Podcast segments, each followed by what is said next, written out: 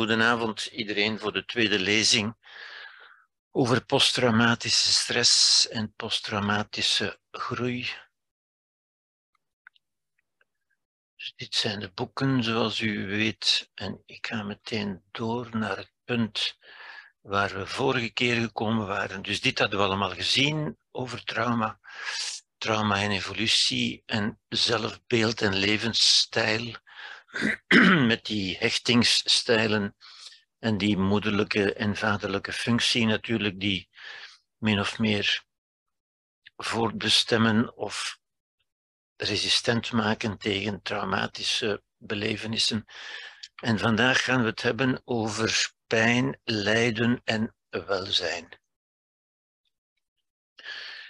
En om te beginnen zou ik u vragen om u in te beelden dat u, laten we zeggen, na een aanslag of na een auto-ongeval, of dat u een gebroken been, na een aanslag, laten we zeggen, u hebt, en u hebt een gebroken been, ja, dan denk ik dat de meesten het ermee eens zullen zijn dat een gebroken been, dat dat heel wat pijn is en dat het ook heel wat lijden. Ja? Want u vindt dat natuurlijk niet oké, u vindt dat u onterecht, onheus behandeld bent, u, u verzet zich daartegen en dat is uw lijden natuurlijk, zoals we straks ook zullen zien. Dus in dit geval is er pijn en er is ook lijden. Ja? Als u na een aanslag, zoals op Zaventem, een gebroken been overhoudt, ja. Maar stel dat u een gebroken been hebt na een vliegtuigcrash uw vliegtuig stort neer en u hebt een gebroken been. Dan zult u misschien evenveel pijn hebben, maar veel minder lijden. Hè? Waarom zou u minder lijden dan? U hebt toch dezelfde pijn? Wel, u zou veel minder lijden, denk ik, omdat u zou zeggen, wat een geluk dat ik er maar met een gebroken been ben vanaf gekomen. Ja? En dan ziet u meteen het verschil tussen pijn en lijden. Ja? Pijn is een objectief iets, lijden is wat u eraan toevoegt. En dat komt ook door u, hoe u ermee omgaat. Als het na een aanslag is, dan bent u verontwaardigd, u bent boos dat er een, aanslag op uw leven is gepleegd. Ja?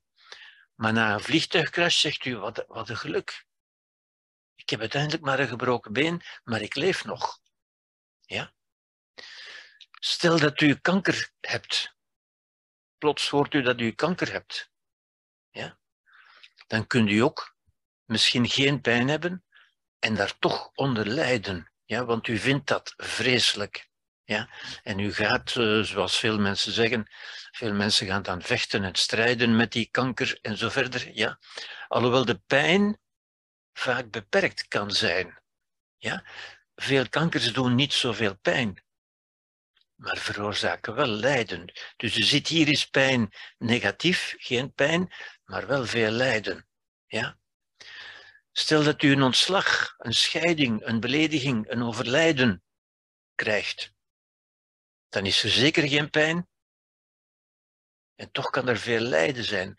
Er is veel lijden omdat u dat heel erg vindt. Ja? Ziet u dat, dat wat we ervan vinden, wat we ermee doen, ja? Dat is geen pijn, alhoewel men dat vaak ook pijn noemt, maar dat is eigenlijk geen pijn. Dat is eigenlijk het lijden. Dat is louter psychisch, er is niks materieels aan de hand. Ja? Na een bevalling daarentegen, een bevalling is natuurlijk, zoals u weet, althans de dames onder u, toch veel pijn, maar meestal geen lijden. Ja? Dus daar is het omgekeerd. Hier was veel lijden en geen pijn. En hier was veel pijn en toch geen lijden. En ziet u het onderscheid tussen pijn en lijden? Ja? Waar ik dadelijk een beetje verder zal op ingaan natuurlijk, hè, want dat heeft onmiddellijk te maken met ons onderwerp natuurlijk. Hè. Um, Eckhart Tolle zegt dan ook, en dat zal, zal later ook duidelijker worden, je lijdt tot je begrepen hebt dat lijden niet nodig is. Ja?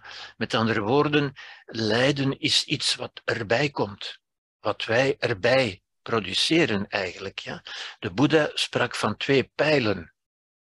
Je wordt getroffen door een pijl, maar dan voegen we er vaak nog een pijl aan toe, die van onszelf komt. Ja? En eh, Jacques Lacan maakte onderscheid tussen wat hij noemde existentieel lijden, dat wil zeggen lijden dat, dat gepaard gaat met het leven, dat inherent is aan het leven, ja? En de pijn, de neuro het neurotische, hmm. de neurotische pijn, het neurotisch lijden, het lijden dat wij eraan toevoegen. Ja? En dus het eerste wat ik u wil, wil zeggen hier is het belangrijke onderscheid. En u kunt er uh, voorbeelden aan toevoegen natuurlijk, waarin u kunt zien dat er veel pijn kan zijn en geen lijden, of geen pijn en toch veel lijden. Ja? Het onderscheid tussen pijn en lijden. Ja? Hoe kunnen we dat uh, duidelijker stellen? Wel, ik zou zeggen, fysieke pijn. Nu, dat is, dat is een beetje een afspraak ook hoor. Ik gebruik pijn voor fysieke pijn en lijden voor het psychische gebeuren, zou ik zeggen. Veel mensen gebruiken dat door elkaar, ja, maar ik denk dat het duidelijker is als we daar duidelijk afspreken wat we daarmee bedoelen. Hè. Fysieke pijn is de pijn in het lichaam, de lichamelijke pijn. Dat is een fysiologische reactie in het lichaam. En dat is vaak een kramp, een, een, verkramping. Meestal is het de kramp die de echte pijn veroorzaakt. Een kramp is ook een stress, natuurlijk. Hè. Maar het is vooral in het lichaam, dat is belangrijk hier. Ja. Het is in het lichaam als gevolg van een orgaandysfunctie, dat wil zeggen een orgaan dat niet meer goed functioneert, of weefselschade. Dat wil zeggen weefsels die letterlijk gekwetst zijn, die gewond zijn, zoals een gebroken been, ja, waar de integriteit van dat weefsel aangetast is. Ja? Of, een, of een snijwonde in de huid of een steekwonde of zoiets. Hè? Dus echte lichamelijke wonden. Ja? En die objectief aantoonbaar zijn. objectief, dat we zeggen voor iedereen. Dat wil ook zeggen, er is geen discussie. Ja, een gebroken been, iedereen kan dat vaststellen en iedereen begrijpt dat dat pijnlijk is. Ja? Als u een, een, een snijwonde hebt, iedereen begrijpt dat dat pijnlijk is. Ja? Dat is, wordt bedoeld met objectief. Daar is eigenlijk geen discussie over mogelijk. Want iedereen kan dat ook zien, het is aantoonbaar. En die vergt ook een zekere tijd. dat weten we natuurlijk, hè, dat soort wonden, dat soort uh, schade, vergt tijd om te genezen, om te helen dus. Ja? En op die tijd moeten we ook wachten. We kunnen alleen maar wachten. We kunnen alleen maar dat proces zijn gang laten gaan, zou ik zeggen.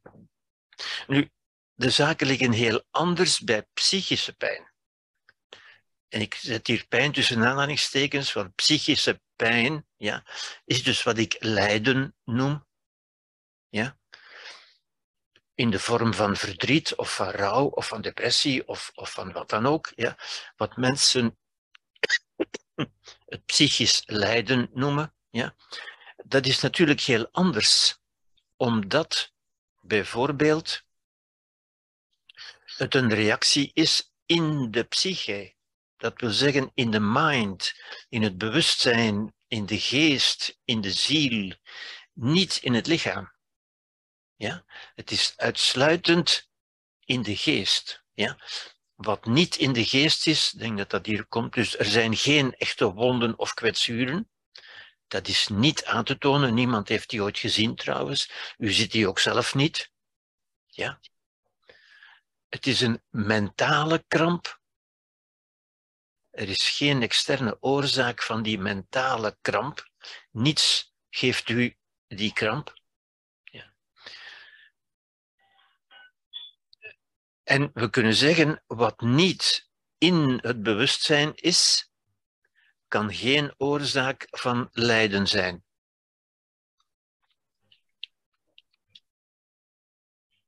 Het is alleen als het in het bewustzijn is. Met andere woorden, om het, om, het, om het duidelijker te zeggen, als u het weet. Iets wat niet in het bewustzijn is, dat is iets wat u niet weet. Als u het niet weet, kan het ook geen oorzaak van lijden zijn. Ja? Als uw baas u ontslaat en u weet het nog niet, dan lijdt u ook niet. U begint pas te lijden de moment dat u het weet. Ja? Het is dat weten, als het in het bewustzijn aanwezig is, met andere woorden. Ja? Zelfs als uw kind zou overlijden op een, op een schoutskamp of zoiets, en u weet het niet, zolang u het niet weet, is er ook geen lijden. Met andere woorden, het is niet dat gebeuren dat u doet lijden, maar het feit dat het in uw bewustzijn komt. Het feit dat u het weet. Wat niet in uw bewustzijn is, wat, wat achter u gebeurt bijvoorbeeld, kan geen oorzaak van lijden zijn. Er is alleen maar lijden zodra het in het bewustzijn is. Heel belangrijk, ik kom er ook nog wel op terug. Ja. Er is natuurlijk wel een aanleiding dat we zeggen een context, een situatie waarin dat gebeurd is, maar dat is niet echt de oorzaak. Ja? Dat is de feitelijkheid die de aanleiding is, de context, maar dat is niet de oorzaak. De oorzaak is wat u in uw bewustzijn doet, uiteindelijk. Ja? Wat u toevoegt aan de gebeurtenis. En er is ook geen verband met de tijd dat zet ik erbij, omdat ik hier ook heb gezet hierboven, het vergt tijd om te genezen. En dat kan men min of meer voorspellen, zo. Hè. Een gebroken been, dat is een aantal maanden. En dan is dat geheeld. En dat gaat ook vanzelf.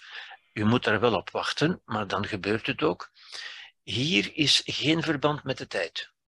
Dat wil zeggen, sommige mensen kunnen voor dezelfde aanleiding lang lijden en anderen lijden kort of, of lijden misschien zelfs helemaal niet. Ja? Dat heeft geen enkele objectiviteit, dat is volkomen subjectief uiteindelijk. Ja? Dus wat ik in, ook in andere lezingen ook al, al uitgebreid heb besproken natuurlijk, dat is wat wij doen. Ja? Psychische pijn is wat wij doen in feite. Ja? Goed. Alle lijden, verdriet enzovoort, is dus een intrapsychisch, dat wil zeggen in de geest. Dat wil dus zeggen niet materieel. Er is geen materieel aantoonbaar proces. Het is intrapsychisch. Een conflict tussen incompatibele cognities. Dat wil zeggen incompatibele gedachten, incompatibele bewustzijnsinhouden. Dat we zeggen, gedachten die met elkaar in conflict zijn. Ja? En het makkelijkste zien is dat in deze zin, ja, die zegt er is iets of er was iets als het over het verleden gaat. En dat wil dus zeggen, ik ben mij bewust van iets. Ja? Als u het niet weet, kan er geen lijden komen. U moet het weten, ik ben er mij bewust van. Ik ben mij bewust dat er iets is. Ja? Ten tweede, dat ik niet wil. En dat ik niet wil, wordt vaak gezegd van dat ik niet kan aanvaarden. Ja? Dat kan niet zijn wat er nu is. Er is nu iets wat, mij, wat ik niet kan aanvaarden of er is iets of er was iets in het verleden dat ik nog altijd niet kan aanvaarden. Maar ziet u, dat zijn twee cognities, dat zijn twee bewustzijnsinhouden. Ja? Ik ben mij bewust van iets, als het over het verleden gaat, is dat alleen maar de herinnering. Dat ik niet kan aanvaarden, dat is ook een gedachte. Ja? Dus het zijn twee gedachten die met elkaar conflicteren, want het is er, ik wil het niet, en het is er toch.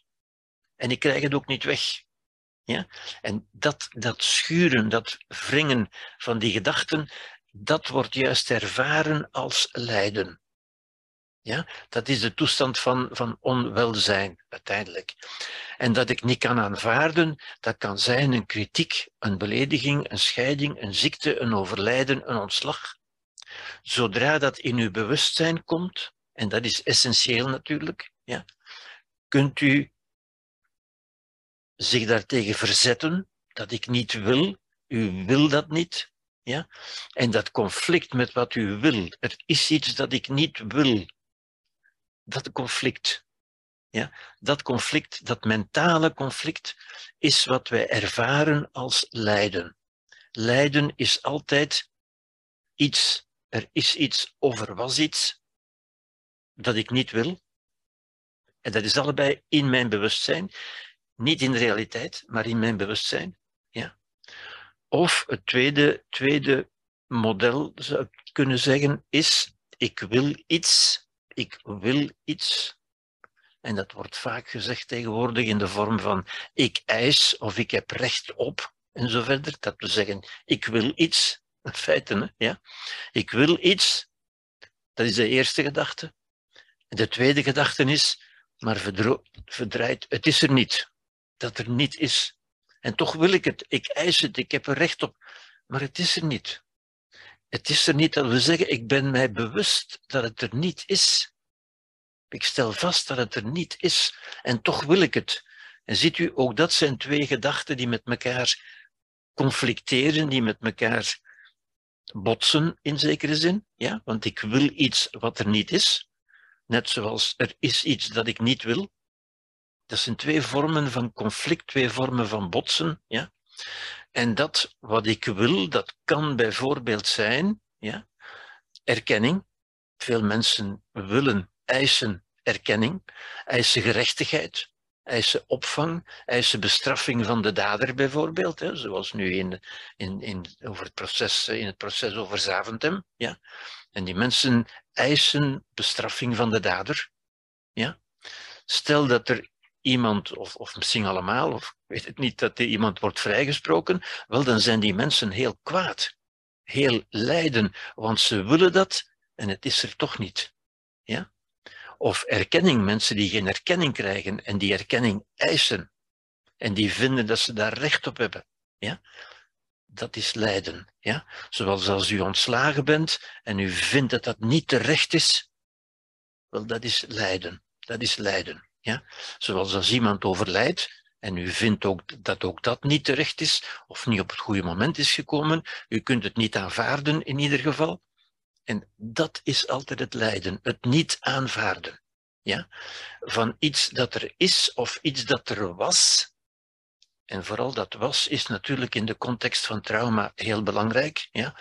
Want er was iets in het verleden, het is er niet eens nu, maar het was er in het verleden. En toch kan ik dat niet aanvaarden. Iets dat ik niet wil. Ja? En dat verklaart, dat schema verklaart dat men kan lijden, zogezegd onder het verleden. Natuurlijk niet echt onder het verleden, want het verleden is er niet meer, maar van het bewustzijn van het verleden. Met andere woorden, de gedachte aan het verleden, het verhaal over het verleden. Ja? Men kan alleen maar vechten tegen dat verhaal. Tegen het verleden kun je niet vechten, want het is er niet eens. Het is al weg. Ja? Dat is nog duidelijker in geval van angst natuurlijk, want dan gaat het over iets in de toekomst, wat, wat je niet wil. En toch is ook dat een heel concreet lijden. Lijden is altijd echter, daar moet je nooit aan twijfelen natuurlijk. Hè? Maar mensen kunnen zich doen lijden. Mensen hebben die unieke mogelijkheid, hè, door, die, door die bewustzijn, door dat, dat, uh, dat parlement, zoals ik in de eerste lezing heb gezegd, ja, waarin wij ons dingen kunnen voorstellen die er niet zijn. Iets wat alleen een mens kan doen. Dieren lijden nooit door dingen die er niet zijn. Die reageren alleen op dingen die er zijn. Maar de mens kan reageren en kan, kan kwaad zijn en lijden door dingen die er niet zijn. Eigenlijk zeer opmerkelijk, zeer verwonderlijk in feite. Ja? Alleen we verwonderen ons niet omdat we dat zo gewoon zijn, maar eigenlijk is dat heel bijzonder, heel opmerkelijk. Ja? Maar tegelijk, als we dat schema begrijpen en dat snappen, dan snappen we ook, of dan begint u althans al te snappen, denk ik, dat we daar toch iets kunnen aan doen, want het gebeurt volkomen in ons. Niets doet ons lijden tenzij het in ons bewustzijn is. En dan is het ons bewustzijn dat ons doet lijden, niet de feiten als dusdanig. Ja? Dat kan ook zijn een partner of kinderen of een zin in het leven. U, weet bijvoorbeeld mensen die geen kinderen kunnen krijgen, dat wordt heel erg gevonden. Ja? En, en mensen vinden ook dat ze daar erkenning moeten voor krijgen en, en opvang en begeleiding en weet ik veel. Al die dingen die ze die ze eisen, waar ze volgens hen recht op hebben, en die er dan eventueel niet zijn. Ja? Of een zwangerschap die onderbroken wordt. Uh, tegenwoordig gaat het daar ook over. Wat men vroeger gewoon een miskraam noemde. Maar nu gaat men daaronder lijden en moet men rouwen en zo verder. En zijn er therapeuten die zich daarop specialiseren en zo verder. Ja? Allemaal manieren waarop mensen lijden creëren. Ja? En dat woordje creëren is natuurlijk een woordje dat, dat op zich bij een aantal mensen lijden kan veroorzaken. Want ze willen niet horen dat dat gecreëerd wordt. Hè. Ze, ze, zeggen, en dat wordt ons ook gezegd, van kijk, als dit of dat gebeurt, dat is een lijden, zeggen de mensen. Nee, dat is geen lijden, dat is een gebeuren. Het wordt een lijden, we kunnen er een lijden van maken als we het in ons bewustzijn opnemen en er ons gaan tegen verzetten. En het is ons verzet dat het lijden is. Ja. Goed, ik wil dat eigenlijk heel duidelijk maken, omdat dat zoveel dingen in perspectief plaatst. Ja. Lijden is dan ook altijd egocentrisch, ik-gericht. Het gaat over ik kan dat niet aanvaarden of ik ben mij bewust dat het er niet is. Ik mis iets, ik krijg niet waar ik recht op heb. Ik, ik, ik, altijd. Ja. Lijden gaat altijd over jezelf. U leidt nooit in de plaats van iemand anders. Ja. U kunt natuurlijk, als u iemand anders ziet lijden, dan kan dat ook bij u lijden als u vindt dat dat niet terecht is, dat dat niet kan, dat dat niet mag en zo verder. Maar dan bent u aan, aan het dan, dan voelt u niet het lijden van die andere persoon, maar dan voelt u uw lijden over het lijden van die andere persoon. Lijden is ook gemakkelijk, zoals u weet. Het vergt weinig wijsheid. Het, het komt eigenlijk vanzelf. Ja? Het is een heel natuurlijk proces. Wat niet wil zeggen dat het het beste proces is dat de mens kan doen, natuurlijk. Het is niet omdat het natuurlijk is dat het wenselijk is. Ja? En een mens kan nu eenmaal beter omdat een mens dat bewustzijn heeft. Zeker als u begrijpt dat we met dat bewustzijn lijden creëren, dan kunnen we ook leren van met datzelfde bewustzijn welzijn te creëren. Ja. Goed.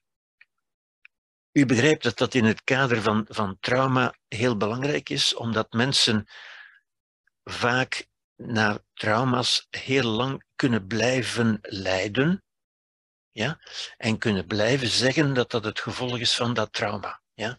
Mensen kunnen zelfs dingen zeggen als dat heeft mijn leven kapot gemaakt en, en dat soort dingen. Goed.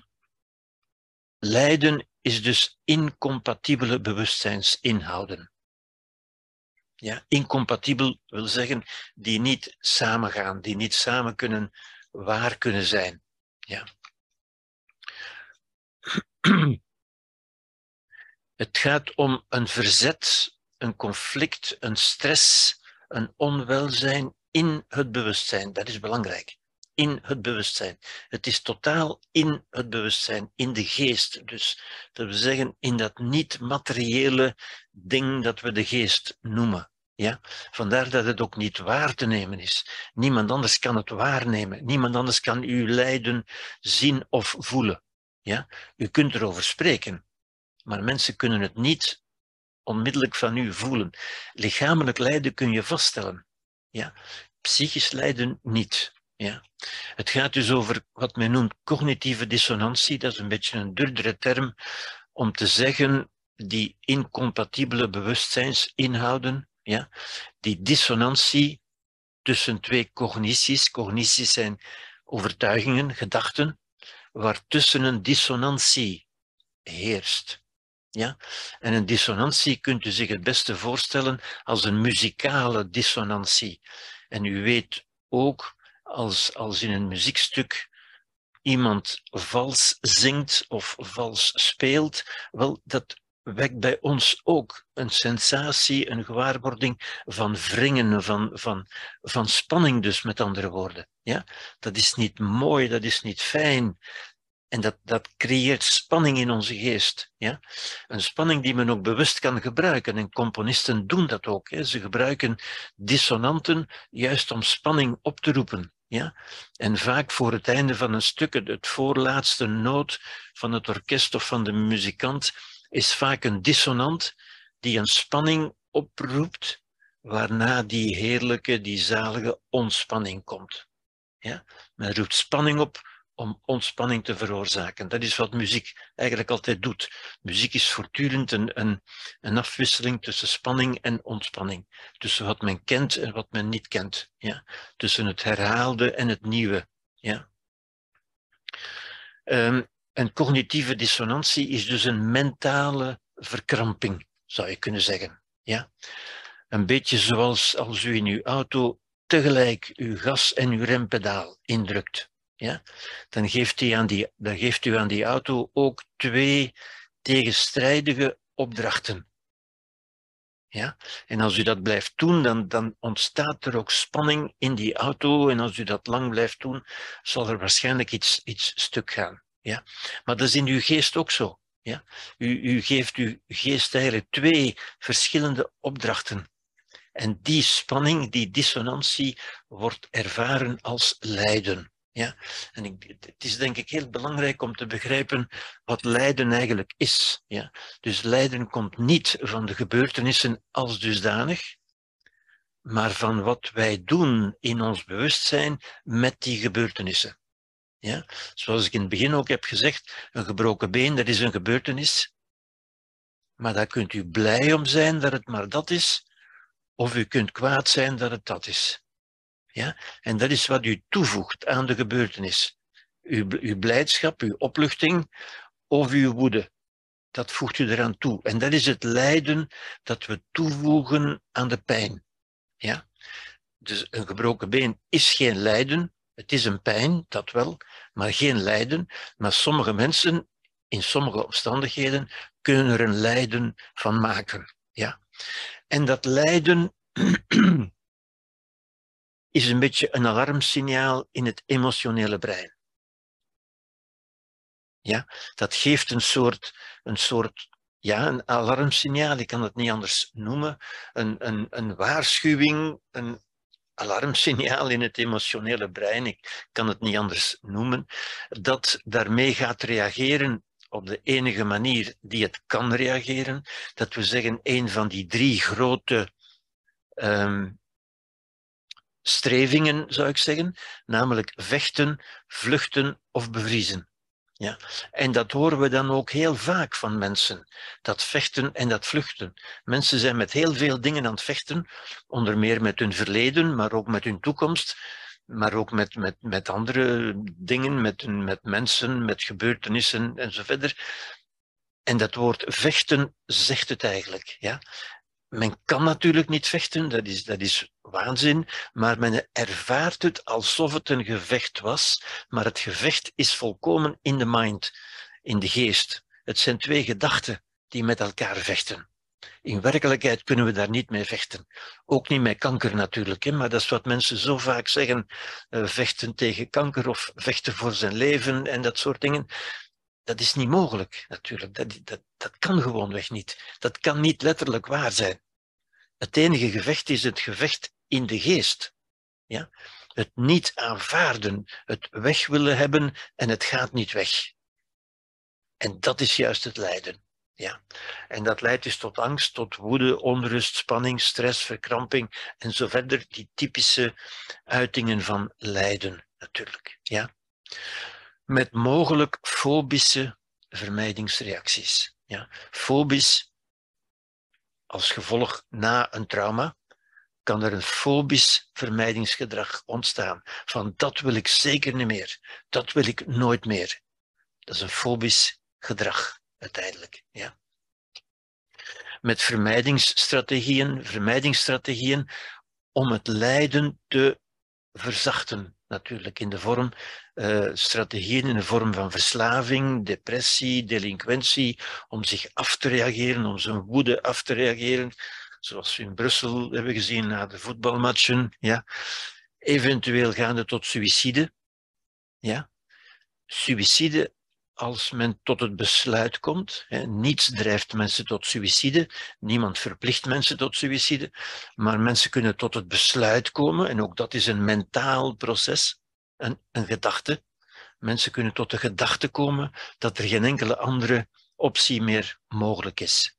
Ja? En dan kan men tot suïcide overgaan, uiteindelijk. Ja? Er zijn dus geen wonden of kwetsuren, en ik wil dat heel duidelijk onderstrepen natuurlijk. Ik noem dat de psychobabble, ja. de, de poppsychologie zou je kunnen zeggen, ja. de populaire ideeën. Ja. Wonden of kwetsuren is de taal van het lichaam. In het lichaam zijn die reëel, in de geest zijn die er niet. Er zijn geen wonden of kwetsuren. Ja.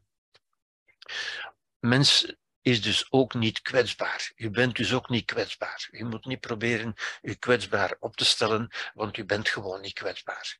Ja.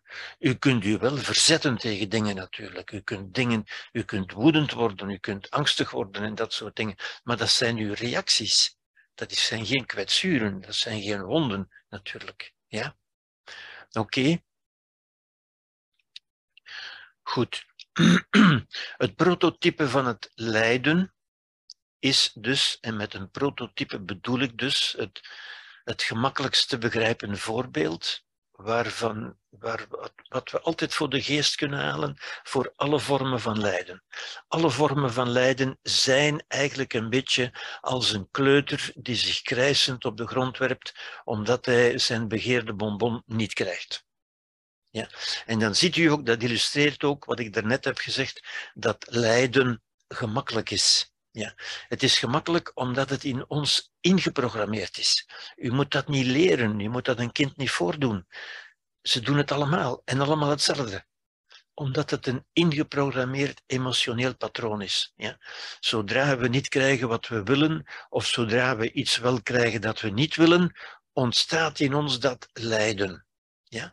Op een heel emotioneel niveau, in het oude brein met name. Ja? Het is door ons nieuwe brein dat we er kunnen over reflecteren, zoals we nu aan het doen zijn, en dat we er ook iets kunnen mee doen. Ja? Een dier kan dat niet, een klein kind kan dat ook niet. Een klein kind dat zijn bonbon niet krijgt, dat is gewoon lijden. Dat is een brok lijden. En dat kind kan er geen afstand van nemen heeft niet dat bewustzijn waarmee je op zichzelf kan toekijken en waarmee je kan zeggen van, van of zich de vraag stellen, is dat nu wel waard om zoveel poeha om te maken of kan ik er anders mee omgaan? Wat een volwassene natuurlijk wel kan. Ja? Goed, waarneming is ook, dat we zeggen, iedereen kan dat zien, dat niemand permanent lijdt ook mensen die, die zeggen dat ze zwaar getraumatiseerd zijn en lijden onder hun verleden, die kunnen toch best een avond zich goed amuseren, of een weekend, of een vakantie. En op dat moment kan men toch vragen, waar is dan dat lijden? Ja, wel, dat toont ook aan, mensen kunnen een fijne tijd hebben, een vakantie bijvoorbeeld, dat toont ook aan, er is alleen lijden als er bewustzijn is. Dat toont nogmaals aan dat het lijden uit het bewustzijn komt. Ja? En er, is bewustzijn, en dat zeggen die mensen ook. Hè. Ze, ze, zeggen dat, ze geven dat toe, zonder de draagwijte van, van die uitspraken goed te beseffen meestal. Hè. Er is, wanneer is er bewustzijn? Wel, als ik er weer aan denk. Ja? Als die gedachten opduiken. En dat, kan, dat is onvoorspelbaar vaak. Ja? Die kunnen op de gekste momenten opduiken en dan voelt men weer, dan ontstaat weer dat lijden, eventueel. Ja? Of als, zoals men dat noemt tegenwoordig, als die wonden opengereten worden. Ja? En dat is de, echt het sociale cliché wat men daar altijd voor gebruikt natuurlijk. Ja? Dat is natuurlijk niet waar. Er zijn geen wonden en die worden niet opengereten. Maar goed, men, men zegt dat zo natuurlijk. Dat wil zeggen, als ik eraan denk, als ik eraan denk, dan ontstaat weer dat lijden. Ja? Dat is geen wonde die opengereten wordt, maar dat is, dat is het nieuwe lijden dat ik nu maak. Dat is ook niet het lijden van vroeger, dat is het lijden van nu. Ik lijd nu omdat ik nu in conflict ben met een idee in mijn bewustzijn. Ja. Door een ontmoeting, door een rechtszaak, zoals, zoals in Brussel op het ogenblik, ja, waardoor dat terug in de herinnering komt. En het is dat wat doet lijden, waardoor het terug in het bewustzijn komt.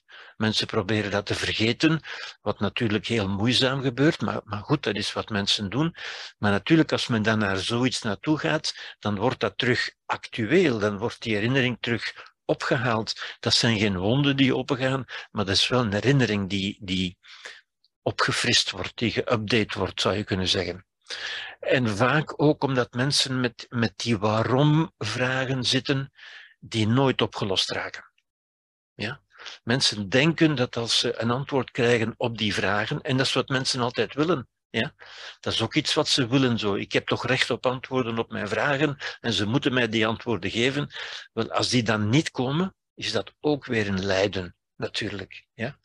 Het is ook een illusie van te denken dat doordat die vragen ooit opgelost zullen worden, want er zijn geen afdoende redenen. Er kunnen geen voldoende redenen zijn voor de aanslag in Zaventem bijvoorbeeld. Er kan geen reden voor zijn. Ja? Kinderen kunnen om dezelfde redenen, ja, omdat het louter mentaal is, kinderen kunnen ook vrijwel onmiddellijk ermee stoppen. En dat zegt ook iets natuurlijk. Hè? Als dat kind zijn bonbon krijgt, of als je dat kind afleidt naar iets anders, dan kan dat lijden onmiddellijk weg zijn. Ja. Waarom is dat onmiddellijk weg? Is dat gebeuren dan geen lijden meer? Uh, nee, want het is nooit een lijden geweest. Het lijden ontstaat in het bewustzijn. En als je het bewustzijn afleidt van, van, dat, van die bewustzijnsinhoud, door aan iets anders te denken, dan is het lijden ook meteen weg. Ja? Kinderen kunnen dat zonder problemen, die kunnen door hun tranen heen al glimlachen en, de wereld in de gaten houden. Volwassenen kunnen dat natuurlijk ook, maar staan zich dat niet toe. Want dan, dan, dan lijkt dat niet zo echt, natuurlijk. Ja? Een volwassene moet, moet zichzelf en anderen overtuigen dat het lijden dat dat ernstig is. Ja? Als het plots weg kan zijn, dan is het toch niet zo ernstig, in feite. Ja. Oké. Waarom is een bevalling bijvoorbeeld, ik heb daar straks al over gesproken, waarom is dat geen lijden en zelfs geen trauma? Waarom wordt een bevalling nooit, zover ik weet, een trauma genoemd? Dat gaat toch gepaard met zeer ernstig fysiek pijn, met, met, met verstoring, met, met weefsels die, die doorgeknipt of, of verscheurd worden en zo verder. Ja. Zeer veel pijn. En toch noemt men dat nooit een lijden of een trauma. Ja? De lichamelijke pijn is nogthans zeer reëel. En het is nuttig en interessant van daaraan te denken, om, juist ook om dat onderscheid duidelijk te zien tussen pijn en lijden of trauma. Ja? Vanwege de betekenis met name. Niet vanwege de feiten, maar vanwege de betekenis. En de betekenis is wat we er in ons bewustzijn mee doen, hoe we het noemen, bijvoorbeeld. Ja?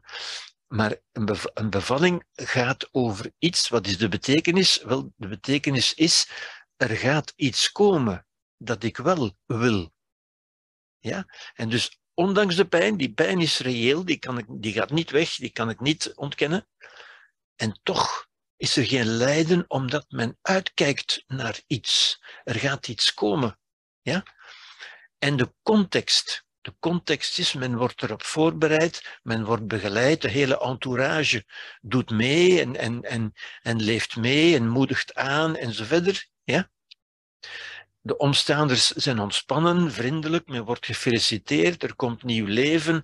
De hele context is een context van een aangename ervaring, een gelukkige ervaring. Ja? De feiten gaan voorbij, de betekenis. En de betekenis is het, het narratief, zoals ik het vaak ook noem. Dat wil zeggen, het verhaal dat men erover vertelt. De bewustzijnsinhoud dus, dat wil zeggen de gedachte, die blijft. En de gedachte is, het narratief is, het was een gelukkige ervaring. Mensen feliciteren zich ook. Ze zeggen, ik ben blij dat dat gebeurd is en ik ben ook trots dat dat gebeurd is. Ik heb dat goed gedaan. Het was heel pijnlijk, maar het was heel goed. Ziet u, geen trauma. Ja? Terwijl vele andere dingen die veel minder pijnlijk zijn, wel traumatisch kunnen zijn, zoals ik dat straks heb aangeduid ook. Ja?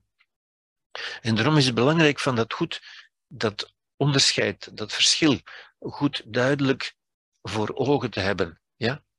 Het narratieve zelf, dat we zeggen het ik, het geheugen, bevat geen getrouwe weergave van de objectieve feiten, maar een reconstructie, een verhaal, een narratief met een subjectieve betekenis.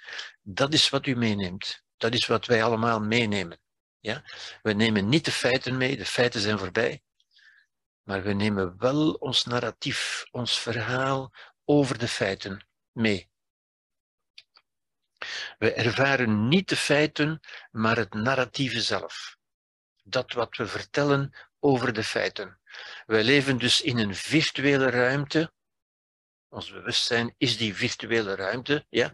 een existentiële bubbel, als u wil. Ja? Alsof u in de, in, in de grot van Plato, voor de mensen die dat kennen, ja? u zit in, in, in uw virtuele ruimte, zou je kunnen zeggen. Ja? Waarin u uw betekenissen ziet. Niet de feiten, die zijn voorbij, maar wel de betekenissen. Ja. De feiten zijn voorbij, alleen de betekenis blijft. Ja?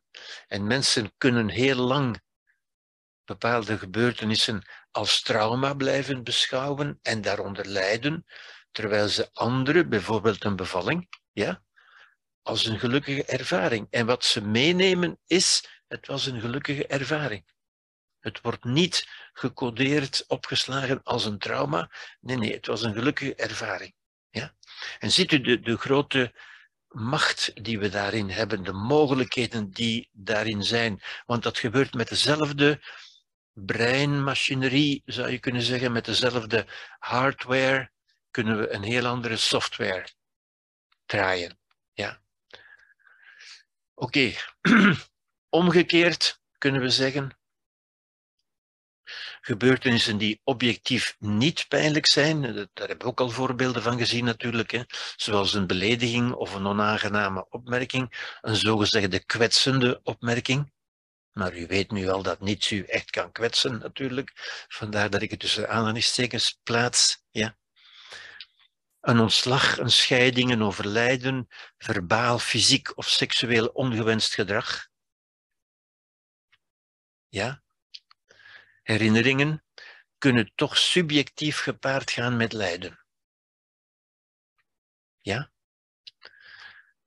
Want de omgeving reageert daar ook heel anders op.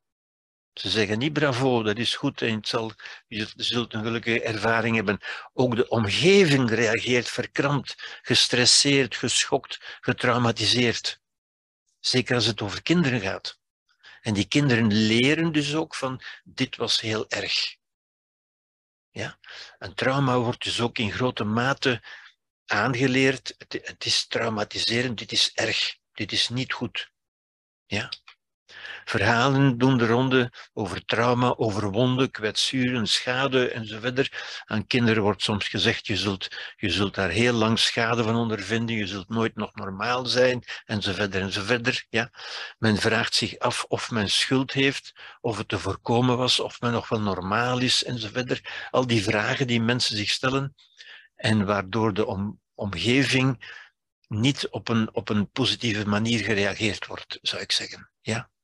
Die betekenis wordt vaak ook achteraf gegeven en ook dat is merkwaardig. Ik denk altijd aan Monica Lewinsky bijvoorbeeld, waarvan we toch mogen aannemen dat ze op het moment van de betrokken feiten dat niet zo onaangenaam zal gevonden hebben, maar waarvan ze achteraf toch eens gaan zeggen dat ze getraumatiseerd was.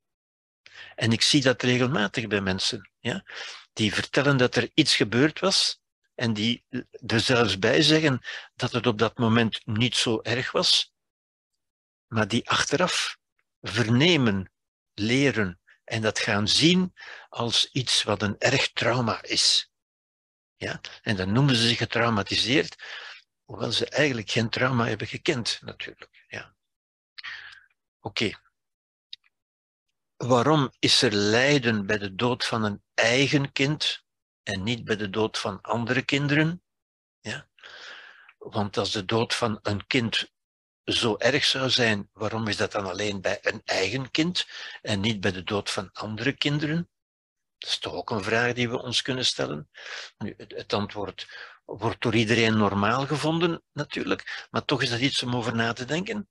Want het is dus niet de dood van een kind die erg is, maar de dood van een welbepaald kind. Ja? Er is in dat geval ook geen lichamelijke pijn. U hebt daar geen pijn van.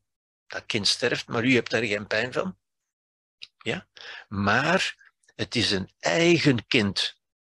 En dat heeft de betekenis, zie je, het is weer die betekenis, hè? die betekenis van aantasting en schending van mijn bezit. Het was van mij. Ja? Dat is emotioneel patrimonium. Ze mogen mij toch niks afpakken. En het wordt ook vaak zo gezegd, hè? ze hebben het mij afgepakt, of ik heb het moeten afgeven, of zoiets. Ja? Alsof het onterecht weggenomen was, omdat we het zijn gaan bekijken als een bezit, als een emotioneel patrimonium.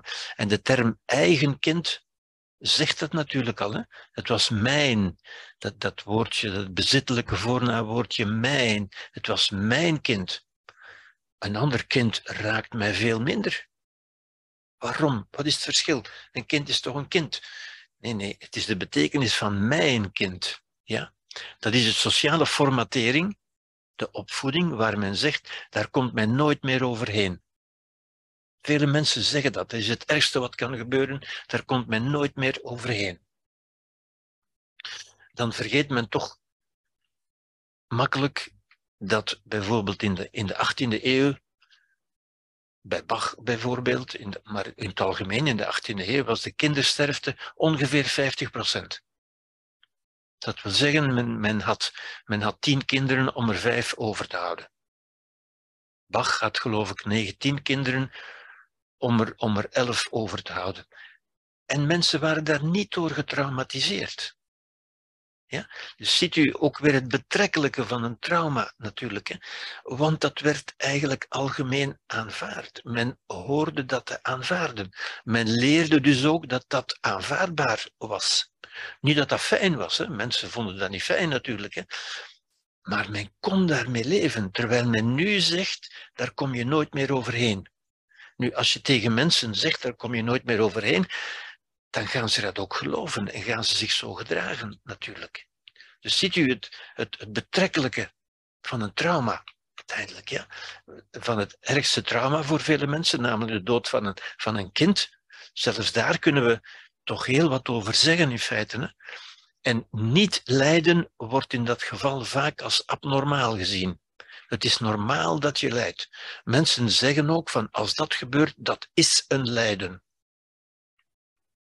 En dan zou je moeten zeggen, maar dat kun je tegen die mensen moeilijk zeggen natuurlijk, van nee, dat is geen lijden, maar je maakt er een lijden van. Je gaat er op een leidende manier mee om, door je verzet. En het verzet is het nee, dat mocht niet gebeuren. Nee, dat is niet eerlijk. Nee, ik heb daar niet om gevraagd. En zo verder en zo verder. Ja. De, de vele manieren die mensen hebben om hun lijden te rechtvaardigen. Ja. In die mate dat als je niet lijdt, dan wordt het inderdaad als abnormaal gezien. Ja. Andere kinderen die zijn niet van mij. Daar is veel minder betrokkenheid. En dus ook veel minder lijden. Hè? Toch heel merkwaardig om over na te denken, denk ik. Hè? Mensen kunnen zich dus ingraven in die slachtofferrol. Dat is nog een ander aspect natuurlijk. Ja? Bijvoorbeeld de ouders van de vermoorde kinderen van Dutroux. Ja? Ik zeg niet dat dat niet erg was, natuurlijk. Ja? Maar zoals die mensen zich gedragen, die hebben zich eigenlijk ingegraven in die slachtofferrol. Die hebben daar hun, identiteit van gemaakt. Ja? De, de slachtoffers noemen ze zich ook, ja? zoals nu in Brussel ook, hè? De, de, slachtoffers. Ja? Lijden, en daarmee bedoel ik alle lijden, verdriet, rouw, verwerking enzovoort enzovoort, is niet iets, is niet iets ja, dat is niet iets, dat is geen substantie die men een plaats moet geven. Eh, mensen zeggen dat ook, een, een plaats geven. Maar een plaats geven kun je maar aan, aan materiële dingen. Je kunt, je kunt, je kunt uh, een steen een plaats geven, of een, of een boek, of, uh, of een pen, of zoiets. Maar lijden is, is niet een ding dat je een plaats moet geven. Ja? Lijden is een activiteit, iets wat je doet, met andere woorden.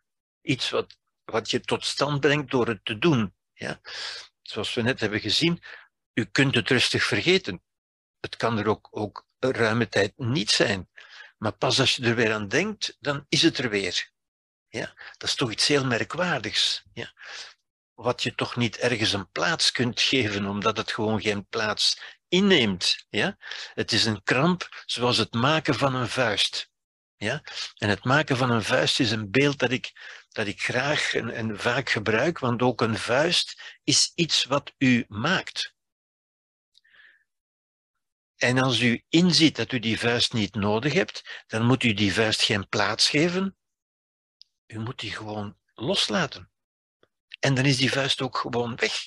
Die, die is niet op een andere plaats, die wordt niet ergens eh, weggeborgen of, of opgeslagen, die houdt op te bestaan doodgewoon. En zo is het ook met lijden. Ja? Je moet dat niet ergens, dat, dat zit niet ergens weggeborgen of zo, of je moet dat geen plaats geven het kan ophouden te bestaan. Want je brengt het tot bestaan door iets te doen. Dus je kunt dat ook niet doen en het dus niet tot bestaan brengen. Ja? Het is niet het lijden dat toeslaat of het lijden dat zijn tijd nodig heeft of zoiets. Nee, het is wat u doet. Ja? Om van een kramp of een vuist af te raken, moet men ze geen plaats geven, maar moet men gewoon ophouden ze te maken. Dan houdt ze simpelweg op te bestaan. Ze verdwijnt. Het is er niet meer.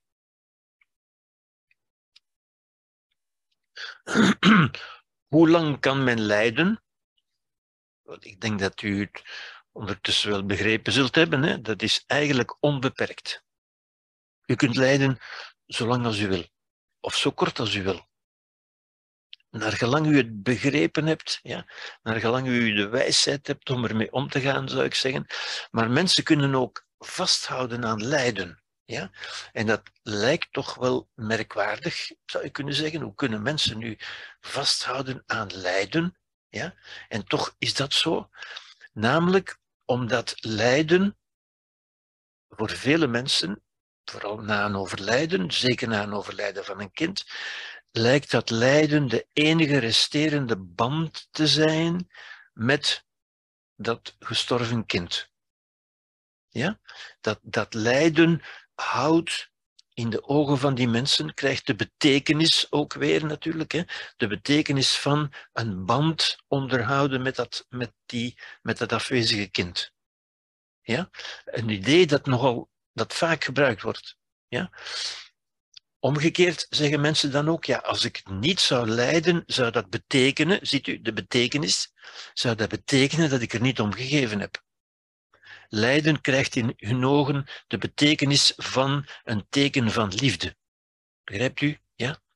Het, is een morele, het krijgt een morele waarde als teken van herinnering en liefde. Ja? Want je wil hem niet vergeten. Je wil hem niet vergeten, maar de enige manier waarop je kunt aan denken is door te lijden. Denken mensen. Dat lijkt de enige band te zijn. Ja? Niet lijden wordt gezien als het einde van de liefde en als het vergeten. En dat willen mensen niet. Ja? Ze willen die band niet kwijtraken. Ja, ze willen die, dat niet vergeten en dat, dat, is, dat is terecht, dat is een, een, een goed recht natuurlijk. Hè. Maar ze denken dan dat de enige manier om dat te blijven doen is van ook dat lijden te onderhouden. Ja? Ook morele waarden als protest tegen onrecht en of straffeloosheid. Zoals dat nu in Brussel gebeurt. Hè. Mensen, mensen houden hun lijden in stand, hun kwaad zijn bijvoorbeeld. Ja? Om te vermijden dat de ander er straffeloos mee zou wegkomen. Want als ik doe alsof het mij niks doet, zeggen mensen dan. Ja, ja dan mag de ander zijn gang maar gaan. Met andere woorden, ik leid om de ander te bestraffen. Om hem duidelijk te maken dat hij dat niet meer moet doen. Ja? En dus dat krijgt een morele waarde. Ja? Mensen kunnen daar ook hun identiteit uitputten. Ja? Mensen krijgen daardoor een, een speciale status, een status van speciaal zijn. Als je een groot onrecht of een groot gebeuren hebt meegemaakt, ja, wel, dan word je slachtoffer van en dan krijg je ja, een speciale status. Dan wordt je leven zo een beetje naar boven getild. Een leven dat vaak saai en, en grijs is, maar nu word je een beetje speciaal. En mensen willen graag speciaal zijn, natuurlijk. Ja. Een rouwproces is juist, zou juist moeten zijn, die band van lijden vervangen door een band van dankbaarheid en liefde. En dat kan natuurlijk ook. Maar dat is wat vele mensen niet zien. Ja? Niet omdat ze dom zijn of, of, of lui, maar omdat ons dat niet geleerd wordt. Ja? Dat je die band ook kunt onderhouden door dankbaarheid en door liefde. En dat lijden niet de enige band is die resteert. Maar voor vele mensen lijkt het wel zo. En het wordt ook een beetje, dat is ook een beetje het sociale cliché. Ja? Van dat lijden, dat, dat wijst erop dat je de ander niet vergeten bent, dat er nog liefde is. Terwijl eigenlijk, heb ik u net ook gezegd, hè, lijden altijd over jezelf gaat.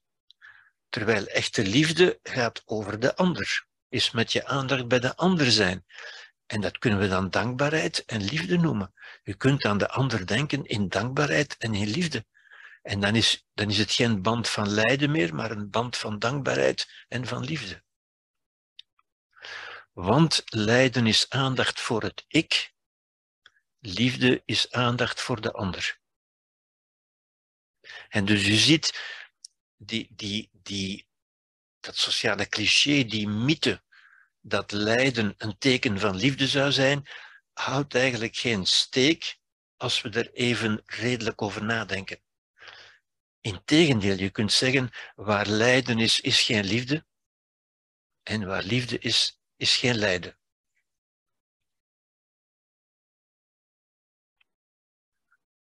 Oké.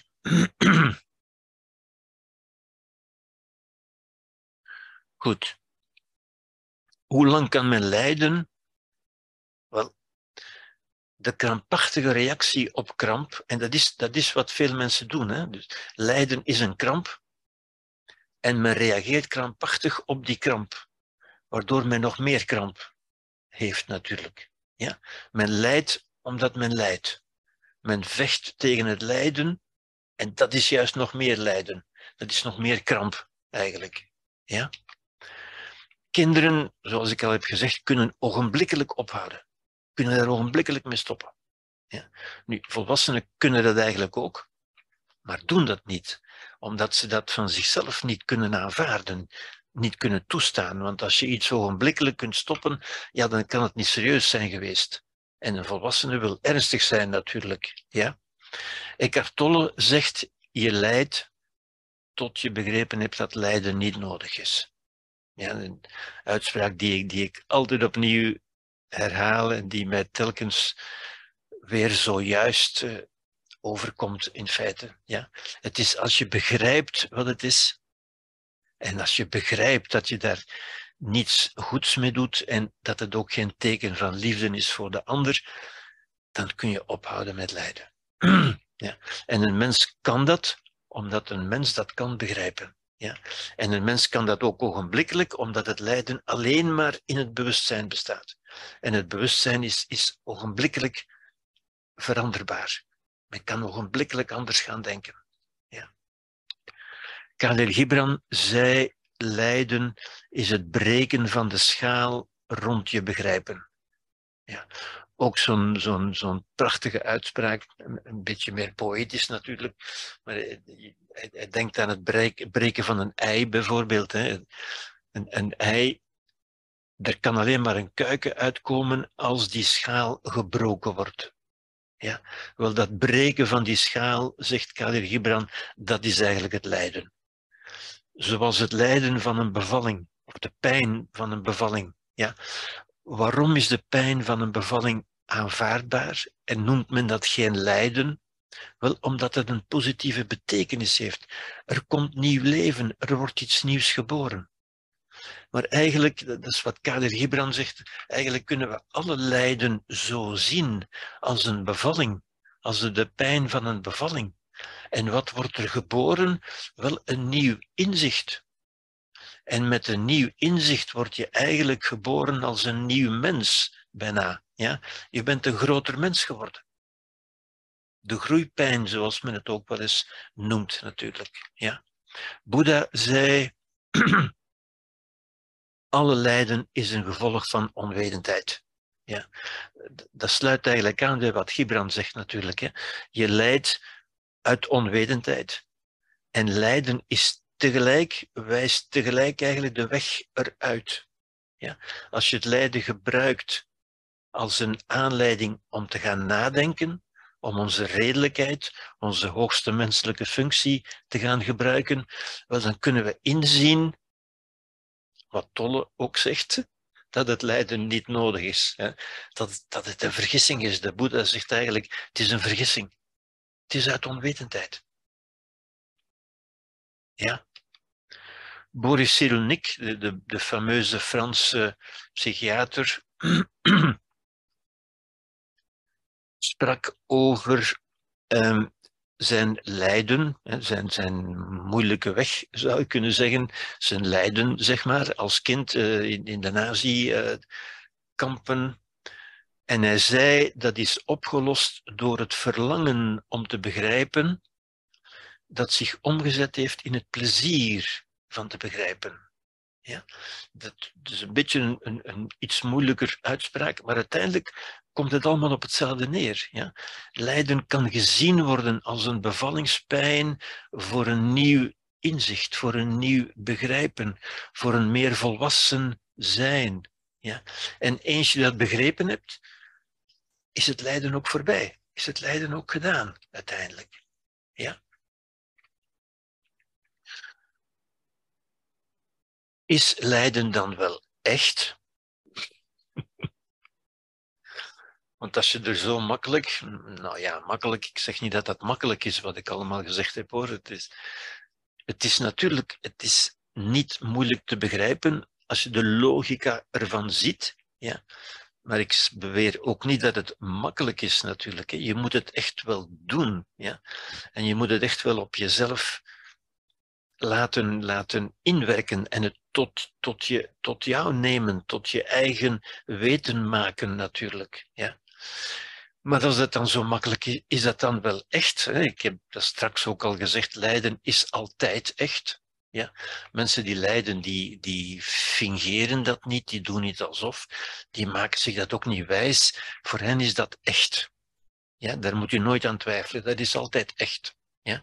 Het is niet omdat ik het kan of omdat men het kan deconstrueren en in zijn elementen uiteennemen, dat het niet echt zou zijn. Het is echt, het is heel echt altijd, ja. Maar men kan er ook heel echt uitstappen. Ja, zoals de Boeddha het zegt, stap, stap uit die, die samsara, dat, dat lijdenswiel, dat de Boeddha. Ja. Pijn en lijden gebruiken overigens dezelfde hersencircuits. Heel merkwaardig. Ja? Het zijn dezelfde gedeelten, netwerken van, in het brein die, die aangesproken worden, zowel voor pijn als voor lijden. En dat is heel merkwaardig. Ja? Um, maar dat verklaart bijvoorbeeld dat pijnstillers, zoals paracetamol, dafalgan, niet alleen lichamelijke pijn verminderen, maar ook psychisch lijden. Heel merkwaardig. Ja? Want het gebeurt in het bewustzijn, maar toch als we ingrijpen op die, op die en dat is natuurlijk de, de, de, de, de, de, de macht van het, van het inzien van die hersenfuncties, van hoe de hersenen werken. En dan zien we dat dat, want alles gebeurt door de hersenen natuurlijk. Het zijn niet de hersenen die het doen, maar het gebeurt wel door de hersenen. Ja? En als we de hersenen, als we daar bepaalde hersencircuits een beetje dempen met, met pijnstillers, dan verminderen we niet alleen de lichamelijke pijn, maar ook de psychische. Het psychisch lijden, met andere woorden. Ja? En daardoor worden mensen ook minder vatbaar, het zogenaamde kwetsbaar. Hè. Je bent niet kwetsbaar, zoals ik al gezegd heb natuurlijk, hè. maar worden ze minder vatbaar voor beledigingen of uitsluiting of zoiets. Ze, ze gaan wat minder lijden. Heel opmerkelijk, heel merkwaardig. Ja? Die, die, ja, dan zie je toch dat het mentale, wat we het mentale noemen, ook ingrijpt op het, op het fysische natuurlijk. Ja? Het is niet hetzelfde, maar het, het grijpt toch op elkaar in natuurlijk. Ja? Het kan natuurlijk ook niet anders. Ja? Sociale beloningen, sociale beloningen, dat is sociaal, uh, sociale bonbons, hè, zoals knuffels of, of erkenning en, zo verder. Ja? Een knuffel is een sociale, is, is, een, is een lichamelijke bonbon, dat doet goed aan het lichaam, dat is een aangename ervaring. Wel, die vermindert ook de lichamelijke pijn.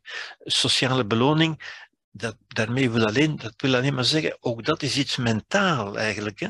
Als je tegen iemand zegt, uh, je hebt dat goed gedaan, dat is geen farmacon, dat grijpt niet in op de hersenen, dat grijpt in op het bewustzijn. En toch vermindert dat ook de lichamelijke pijn. Ja? Dus dat wil zeggen dat pijn en lijden natuurlijk toch iets met elkaar te maken hebben. Ja? Goed.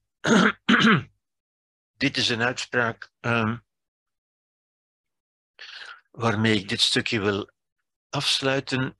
En hier staat dus eigenlijk: schepen zinken niet vanwege het water dat rond is, vanwege de hele oceaan. Een schip dat op de oceaan zinkt niet vanwege het water op de oceaan, maar schepen zinken omdat het water naar binnen komt. Het is het water dat er binnen zit. Dat doet hen zinken. Ja?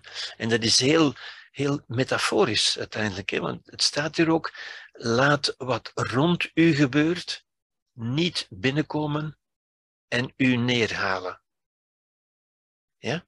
Nu, letterlijk gezien komt het natuurlijk niet binnen. Ja, ook dat is de sociale clichés, de, de, de poppsychologie, die zegt van dat komt binnen, dat doet iets met een mens, of dat hakt erop in, of, of van, die, van die clichés, die strikt genomen niet waar zijn. Niets komt binnen. Niets komt binnen. En niets heeft, die, heeft een macht over u. Het is altijd wat u ermee doet. Ja? En ook dat kunt u eigenlijk makkelijk inzien als u, als u begrijpt dat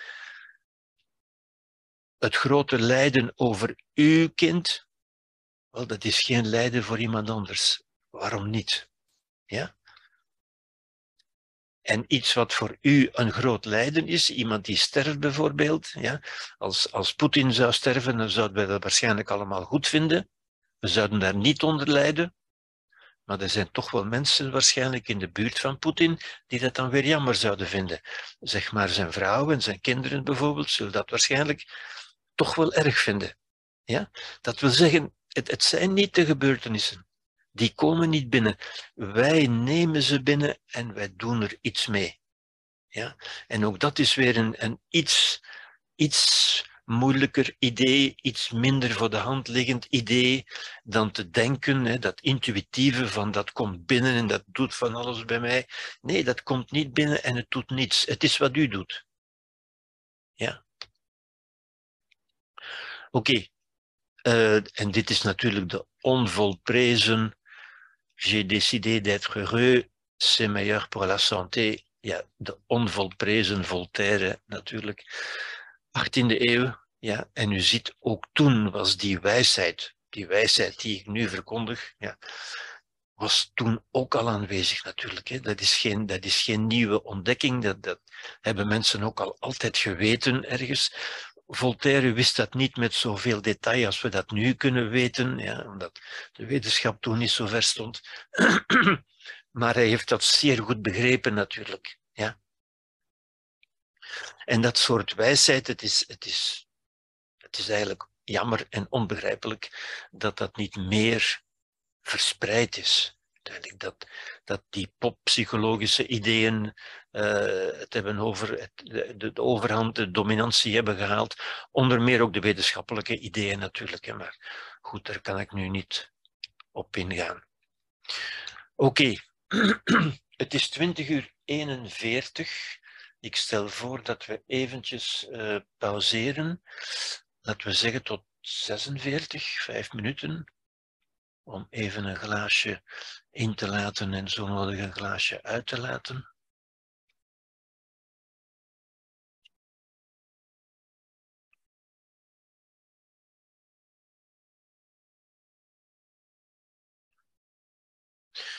Dus je ziet, we gaan nu nog uh, posttraumatische symptomen bespreken en volgende week gaan we het over het verwerken, het leven na een trauma en over het belangrijke punt posttraumatische groei.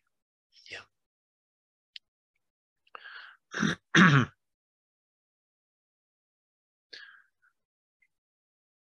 Posttraumatische symptomen wel, dit sluit een beetje aan op wat ik daarnet eigenlijk al heb gezegd. Hè. Voedsel op zich doet niets, maar zodra wij voedsel binnennemen, kan het lichaam erop reageren met afweergedrag. En dat is, die reactie is ook wat we de ziekte noemen. De ziekte is de reactie van het lichaam, eigenlijk. Ja? Zo kunnen we ook zeggen, feiten doen niets. En dat is toch dat blijft natuurlijk voor veel mensen een moeilijk idee, dat feiten niets doen. Ja. Komen niet binnen, hakken er niet op in, heb ik ook al gezegd. Ja. Maar zodra ze worden binnengenomen, net zoals voedsel, zodra we dat binnennemen, zodra we feiten in ons bewustzijn opnemen, dat we zeggen, als we er bewust van worden, als we te weten komen, ja, kan het bewustzijn erop reageren met afweergedrag. En dat afweergedrag is stress, symptomen, het, het lijden natuurlijk. Ja. Lijden is het afweergedrag van de geest. Ja. Dat binnennemen gebeurt altijd op subjectieve wijze. Dat we zeggen, wij nemen nooit de objectieve feiten binnen, wij kleuren die altijd. En we doen dat altijd op, op soms op subtiele manier, maar door er een betekenis aan toe te schrijven. Ja? We nemen nooit feiten als dusdanig, maar wel betekenissen. De vraag is dus niet, wat doet dit met mij? Ja, want dat is de vraag die men altijd stelt. Hè. Wat doet dat met een mens? Wat doet dat met mij dus? Ja? De vraag is niet, wat doet dit met mij? De vraag is, wat doe ik ermee? Of wat heb ik ermee gedaan? Hoe ga ik ermee om? Wat doe ik ermee? Symptomen zijn als allergische of fobische reacties van de geest en van het lichaam natuurlijk. Er zijn fobieën van het lichaam en fobieën van de geest. Ik kom daarop terug natuurlijk. Zoals al gezegd, maar ik kan het niet genoeg herhalen, de feiten zijn voorbij, maar de reactie kan blijven. Ja. Ik vergelijk dat soms een beetje met mensen die met een paraplu lopen en die niet gemerkt hebben dat het eigenlijk niet meer regent. En die dus met hun paraplu blijven lopen. En dat is bij vele mensen ook zo.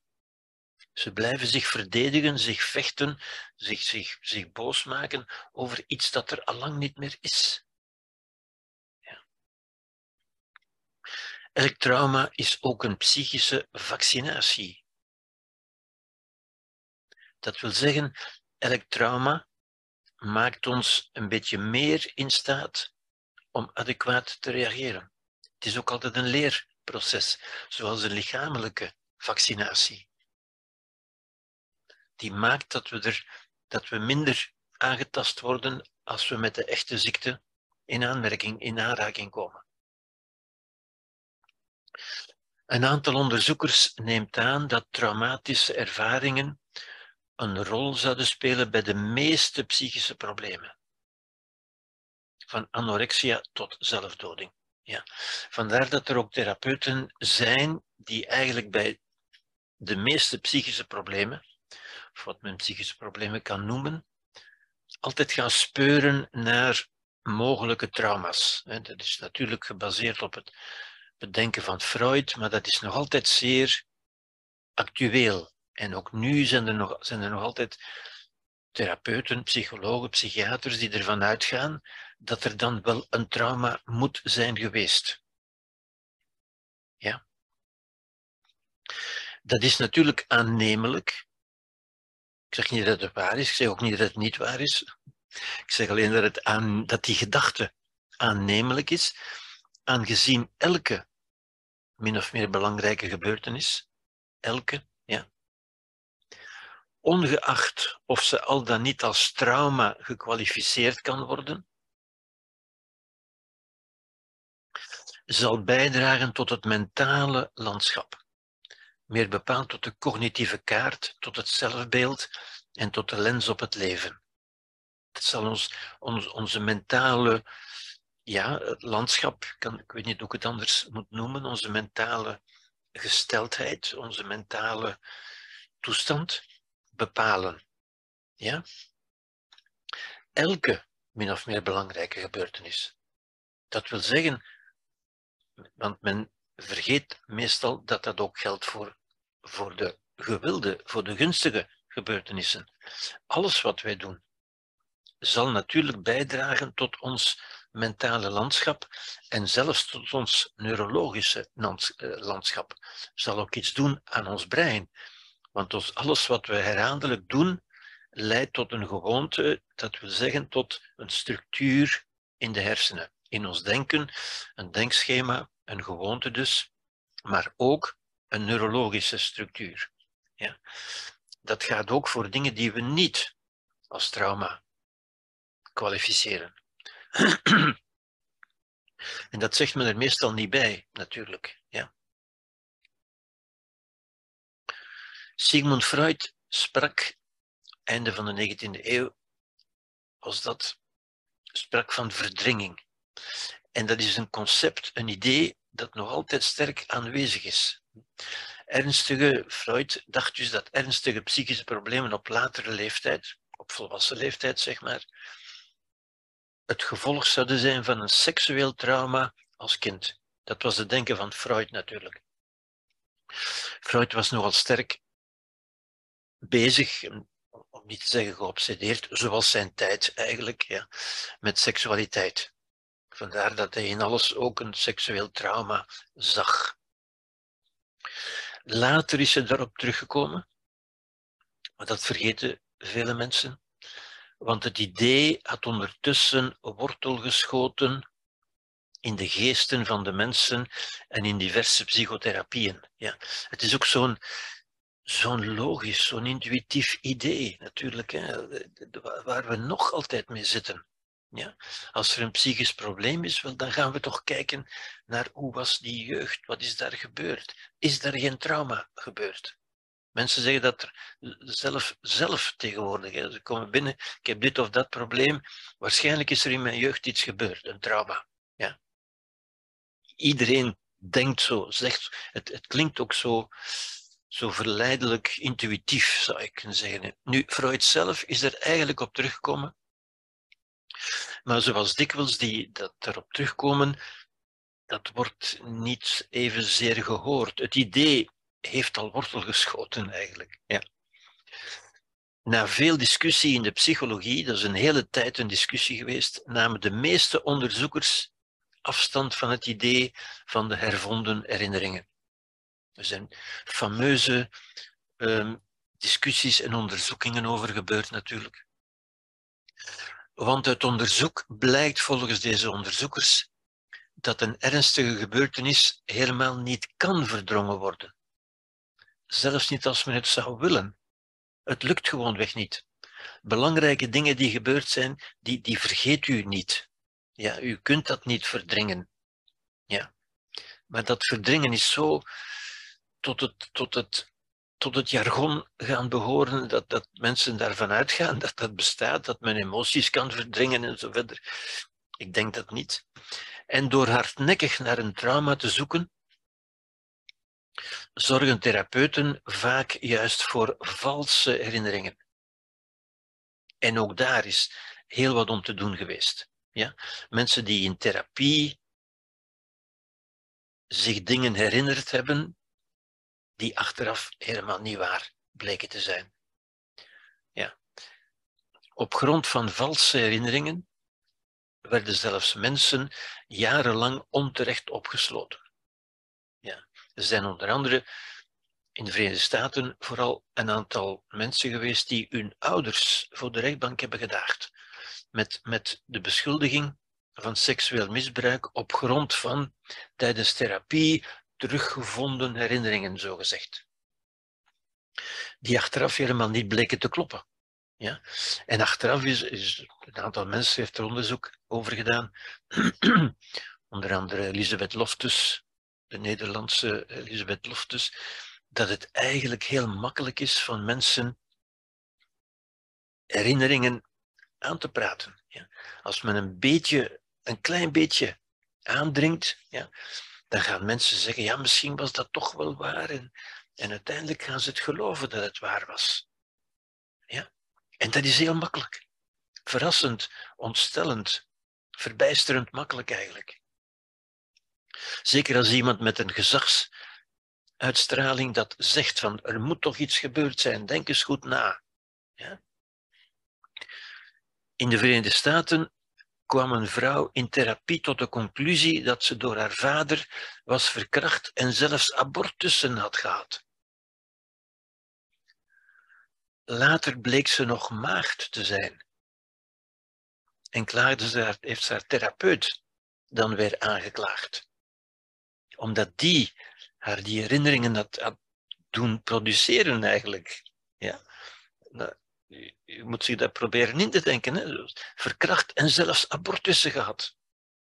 Terwijl ze nog maagd bleek te zijn. Ja? In Nederland is er het gekende voorbeeld van Kitty Hendricks, die in een boek beschreef hoe ze tijdens een depressie hulp zocht bij een alternatieve psychotherapeute, die aan haar lichaamshouding zag dat ze door haar vader misbruikt was. Ziet u, therapeuten die zien dat. Ja. Onzin, zo bleek later. En dit, dit zijn twee toevallige dingetjes, maar zo zijn er vele geweest hè, die tot in de rechtbank zijn gegaan, waarvoor mensen opgesloten zijn geweest. Ja. Dus het idee van, van trauma moet toch met de nodige omzichtigheid benaderd worden, zou ik zeggen. Ja. Zeker het idee van, van trauma's die men zich op latere leeftijd zou herinneren. Ja. Ik zeg niet dat het niet kan. Maar op dit ogenblik wordt, uh, er zijn ook vele uh, experimenten met hypnose geweest natuurlijk. Mensen die onder hypnose allerlei dingen herinnerden. Op dit ogenblik wordt het door de, door de wet, door de, door de rechtspraak niet meer aanvaard als bewijsgrond. Ja. Vroeger werd het aanvaard, omdat men dacht, ja, dat is zeker waar, dat is in therapie naar boven gekomen en zo verder. Goed. Als, ik, als we eventjes ons schema terugnemen van het brein als een tweeledig besturingssysteem. Ja, de tweeledigheid zit natuurlijk in dat bovenste stuk van het brein, het menselijke stuk, het narratieve brein. Dat waar we, herhalen, waar we verhalen vertellen en opslaan.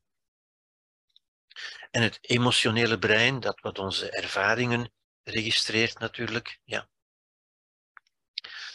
Um, dan doet een trauma, heeft invloed natuurlijk op het narratieve brein en tegelijk ook, ja, zodanig dat dat trauma eigenlijk hier, hier gaat zitten. Althans, het narratief over dat trauma. Niet het trauma zelf natuurlijk, en dat heb ik nu genoeg herhaald, denk ik. Ja. Dat krijgt hier een plaats, de, de, een, een afbeelding, een verhaal erover. Ja. En het heeft natuurlijk uh, gevolgen op cognitief vlak. Namelijk wat wij zeggen, wat we denken, ons verhaal, ons lijden ook. Ja. Dat is wat gebeurt in wat mensen het hoofd noemen, tussen aanhalingstekens, ja, want alles zit in het hoofd natuurlijk, ja. Of tussen de oren, mensen noemen dat ook tussen de oren, dat is wel waar, dat zit letterlijk tussen de oren, maar alles zit tussen de oren natuurlijk, ja. En bovendien is er een invloed op het emotionele brein natuurlijk. Dit is een gebeuren in de buitenwereld. Nogmaals, dat komt niet binnen. Dat doet niks aan ons. In die zin is dit ook niet juist getekend. Maar ik zou zeggen, het heeft een. Wij nemen het binnen in ons narratieve brein en we nemen het ook binnen in ons emotionele brein. Ja. En uit het emotionele brein ook daar gaat het trauma dus zich vestigen. Althans, een afbeelding ervan. En dat leidt tot somatisch. Ja, somatisch wil zeggen in het lichaam. Ja. Cognitief wil zeggen in, onze, in ons denken uiteindelijk. Ja. In ons denken, ons spreken, ons verhaal, ons lijden ook. Ja. Somatisch wil zeggen op het lichaam. Namelijk de gewaarwordingen tekens, signalen, symptomen, pijn? Ongewenst gedrag, non-verbale taal, het, het, wat men het lichaam noemt. Ja? Ik zeg er mee opzet bij, noemt, want het is niet zo duidelijk wat het lichaam eigenlijk zou zijn. Ja? Zijn dat de benen, is dat de, de huid, eh, de botten, eh, de maag, de darmen? Eh, het is niet zo duidelijk waar dat zou zijn, maar goed, men noemt dat het lichaam. Ja. Als we erover nadenken, is dat heel problematisch, maar goed. Nu, in werkelijkheid, zoals ik heb gezegd, verdwijnt dus het, het, de feiten als dusdanig verdwijnen. Die verdwijnen in de, in de mist van de tijd, zou ik zeggen. Die gaan voorbij, met andere woorden. Die zijn er niet meer echt. Ja? Echt, ja alles is echt. Dat is niet waar. Die, die, zijn, er, die zijn ook niet onecht natuurlijk. Hè. Die, die, die zijn er gewoon niet meer. En het trauma als dusdanig is er niet meer als feitelijkheid. Bestaat alleen nog in de vorm van gedachten in ons narratieve brein, bepaalde denkpatronen dus, en bepaalde emotionele patronen in ons emotionele brein. Ja. Nu, daar zijn natuurlijk talloze uitwisselingen tussen, die staan natuurlijk met elkaar in contact, dat is, dat is evident, die zijn niet, niet gescheiden van elkaar, alhoewel men die structuren ook anatomisch kan aantonen. Want het emotionele brein is veel ouder, is ook bij dieren hetzelfde als bij de mens. Ja. Het narratieve brein is typisch dat van de mens en is veel later gekomen en kan ook anatomisch bijna gescheiden worden van dat brein. Men kan duidelijk zien dat dat een andere structuur is, namelijk die hersenschors die u hier van de buitenkant ziet, die daar bovenop is komen liggen. Ja? Goed, dus er zijn talloze invloeden tussen het ene en het andere natuurlijk, maar het is goed van dat duidelijk uit elkaar te houden. Het zijn toch twee verschillende manieren van denken, manieren van informatieverwerking, die natuurlijk invloed hebben op elkaar, maar die toch ook van elkaar gescheiden zijn. Ja? Wat bijvoorbeeld verklaart dat mensen kunnen zeggen, ook, ook terecht, ja, dat is juist ook, hè, mensen kunnen van bepaalde dingen zeggen, ik weet dat wel, dus ze weten dat cognitief, maar toch verandert dat niet de, somatische, de lichaamsgebonden verschijnselen, zou je kunnen zeggen. Ja? En dat is een realiteit. Ik kom daar ook nog wel op terug. Ja. Na extreme emoties. Dus dat is posttraumatisch. Posttraumatisch gaat altijd gepaard met emoties natuurlijk. Extreme ervaringen met extreme emoties, waaronder angst de voornaamste is, maar niet de enige, maar wel de voornaamste als gevolg van een trauma of een ingrijpende gebeurtenis, een crisis noemt men dat soms ook, een misbruik, terreuraanslag, natuurramp, staatsgreep, oorlog, al die dingen die men kan, uh, die ingrijpend kunnen zijn, die dus traumatisch kunnen zijn, met andere woorden. kan er een toestand zijn van verbijstering of shock. Ja? Men is sidération, sideratie noemt men het ook in het Frans en in het Engels. Vanwege het zogenaamde wegvallen of het zogenaamde verlies, eh, ik gebruik die woorden allemaal met reserve natuurlijk, het, het wegvallen, het niet meer dienstig zijn, zou ik beter zeggen misschien, van het vertrouwde narratief. Dat wat men dacht over de wereld en over zichzelf, klopt niet langer. Dat blijkt, dat wordt door elkaar geschud. En dat wordt ervaren, heel vaak, als beangstigend en zelfs ondraaglijk. Er zijn weinig mensen die dat als een positieve ervaring zullen betitelen. Ja? Men zegt dat de wereld stort in en de, grond zakt weg onder mijn voeten en, en, dat soort dingen wordt gebruikt om die ervaring aan te geven eigenlijk. Ja. Alles wat men dacht begrepen te hebben en vooral dat wat men dacht te kunnen vertrouwen, blijkt niet langer van toepassing. Ja. Mensen zeggen soms ook van ik kan niks meer vertrouwen. Ik kan niemand meer vertrouwen, ik kan niks meer vertrouwen eigenlijk. Omdat het vertrouwde narratief niet meer geldig blijkt te zijn. Ja? En men komt in een, in een, soort, ja, een soort leegte. Ja? De mentale wereld is ingestort. Mensen zeggen soms, de wereld is ingestort. De wereld stort niet in natuurlijk, maar wel de mentale wereld.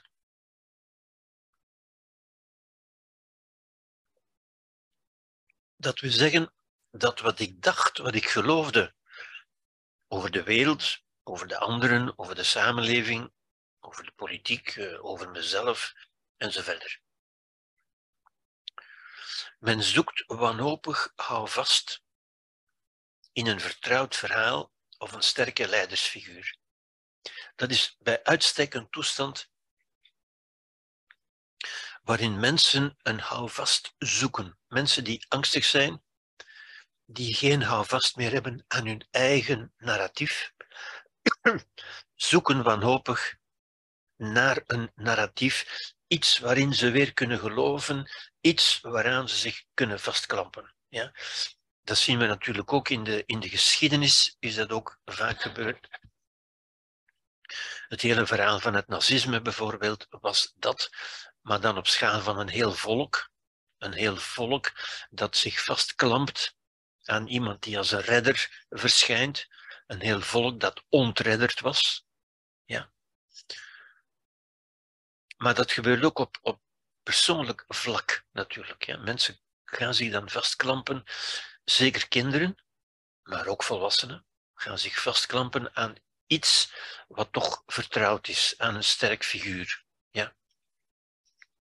Dat is wat in de Verenigde Staten gebeurde na 9-11 bijvoorbeeld, ja, waardoor ze de oorlog met, met Irak begonnen zijn. In Frankrijk na de aanslag op Charlie Hebdo. In Brussel na de aanslagen in de metro en in de luchthaven van Zaventem in 2016 dat is echt een, traumatische, een traumatisch gebeuren voor een, voor een hele natie, voor een heel volk eigenlijk. Ja. En mensen zoeken zich om iets aan vast te klampen, zoals een drenkeling die zich aan het eerste voorbijstromende stuk wrakhout vastklampt. ja? Dat is een overlevingsdrift, een overlevingsstreven, zou je kunnen zeggen. Ja? Dat mensen zich vastklampen. en de betrokkenen klampen zich vast aan de ideeën die op dat ogenblik voorbij komen. Ook als dat de ideeën van Hitler zijn, of van Poetin, of van Pol Pot, of van wie dan ook, of van uh, Mao Zedong, of van wie dan ook. Ja. Er is ook altijd een toestand waarin leiders zich kunnen profileren door zich als de redder aan te dienen. Vooral als die voorgesteld worden door een sterke leider. Ja. Wie kieskeurig is, die verdrinkt niet echt. Mensen die echt verdrinken, die klampen zich vast aan gelijk wat. Mensen die niet echt verdrinken, die zijn kieskeurig. Ja. Voldoet dit stuk wrakhout wel? Heb ik daar wel zin in? Is dat wel mooi genoeg? En zo verder. Ja. En ik, ik, ik vergelijk dat soms ook met mensen, en die zijn er nogal wat tegenwoordig, ja, die kieskeurig zijn op therapeuten. En ik zeg dan ook vaak, als je kieskeurig bent, hè, dat heeft Horatius eigenlijk al gezegd. Ja. De Latijnse schrijver Horatius, die zei, wie kan zeggen hoe hard hij brandt, die brandt niet echt. Mensen die echt in nood zitten, die zijn niet kieskeurig. Die klampen zich aan alles vast. Mensen die kieskeurig zijn, die zijn niet echt in nood. Ja. Mensen die, die hun therapeuten kunnen beoordelen. Ik ga eens kijken of dat die mij kan helpen. En die zeggen nee, die kan mij niet helpen en die kan mij wel helpen. Wel, ik zou zeggen, die, die lijden misschien toch niet zo echt. Ja? In ieder geval niet zo echt dat ze zich aan alles vastklampen. Ja? Ze hebben nog voldoende comfort en voldoende ruimte om, om, om de hulp die geboden wordt te, te, te beoordelen. Dit is natuurlijk een gevaar voor autoritarisme, en dat is het fameuze boek nu van, uh, van de Smet, uh, Matthias de Smet, die dat bespreek, besproken heeft, maar ook uh, Maui Klein bijvoorbeeld, uh, vele mensen hebben dat besproken. Ja, dat is een bekend mechanisme natuurlijk, mechanisme, schema zouden we moeten zeggen, ja, dat in toestanden van echte trauma, van echte ontreddering, mensen de neiging hebben om zich aan alles vast te klampen. Ja? Wat natuurlijk niet zo goed is. Ik verdedig dat zeker niet. Ja? Want die klampen zich inderdaad aan alles vast. Ja? Zonder nog kritisch na te denken. Het is natuurlijk beter dat mensen kritisch nadenken. Maar ik wil alleen maar zeggen, mensen die, die echt getraumatiseerd zijn, die echt ontredderd zijn, die hebben niet meer de ruimte om kritisch na te denken. Wie nog kritisch kan nadenken, daarvan zou ik zeggen, die is niet echt getraumatiseerd. Ja? Maar goed. Vaak gaat men in die omstandigheden geloof vechten aan complottheorieën. Dat hebben, zien we nu ook, hebben we ook gezien. Hè? Of aan de betrokkenheid van een externe vijand. En dat is een schema dat men overal toepast. Ja?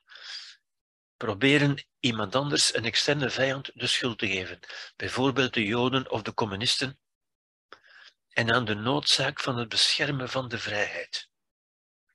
In naam van het beschermen van de vrijheid voert men eigenlijk vaak onvrijheid in. En dat is wat populisten vaak doen, natuurlijk ook. Hè. Die zeggen, ik doe dat voor u, om uw vrijheid te beschermen. Volgens Maslow zijn veiligheid en zekerheid immers de belangrijkste behoeften na de fundamentele biologische behoeften van eten en drinken. Ja. Veiligheid en zekerheid is iets wat voor mensen heel belangrijk is. Als ze daarin niet voldaan zijn, dan kunnen ze alle kanten op gaan, zou ik zeggen. Dan voelen ze zich bijzonder slecht en bijzonder onveilig. Ja. Wat zijn, dus dat waren de, um, de, psych, de cognitieve gevolgen, de somatische gevolgen, het lichaam dus, zogezegd. Ja. Een getraumatiseerd persoon is als gevangen in een overlevingsmodus. Ja? Als u getraumatiseerd, wat ik net ook zei, iemand die echt getraumatiseerd is, in die mate dat ook het lichaam erop gaat reageren, die is als gevangen in overlevingsmodus. Als ik zeg het lichaam, dan bedoel ik natuurlijk het oude brein, het emotionele brein.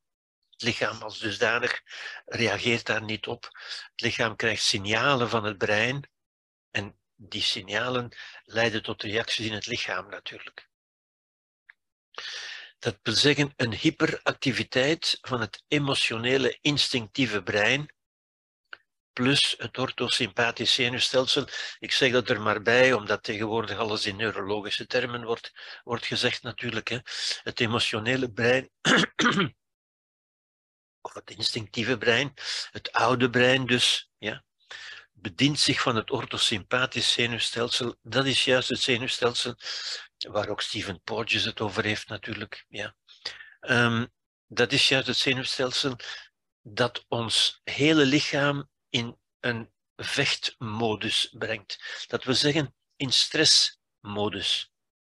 En dat maakt eigenlijk van het hele lichaam als het ware een vuist. Ja? Een vuist is voor mij het symbool van stress. Ja? Want een vuist is alleen maar spanning. Ja? Het is die spanning in mijn vingers, in mijn hand, die er een vuist van maakt. En dat is het symptoom, zou je kunnen zeggen, van gevangen zitten in een overlevingsmodus.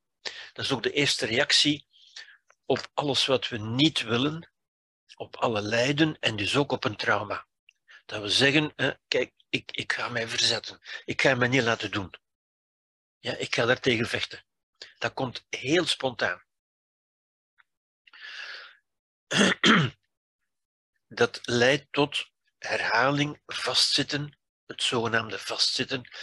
Men zit niet echt vast, maar goed, dat is een manier van denken natuurlijk. In de patronen van het oude brein. Die vecht, vlucht of vriespatronen. Ja.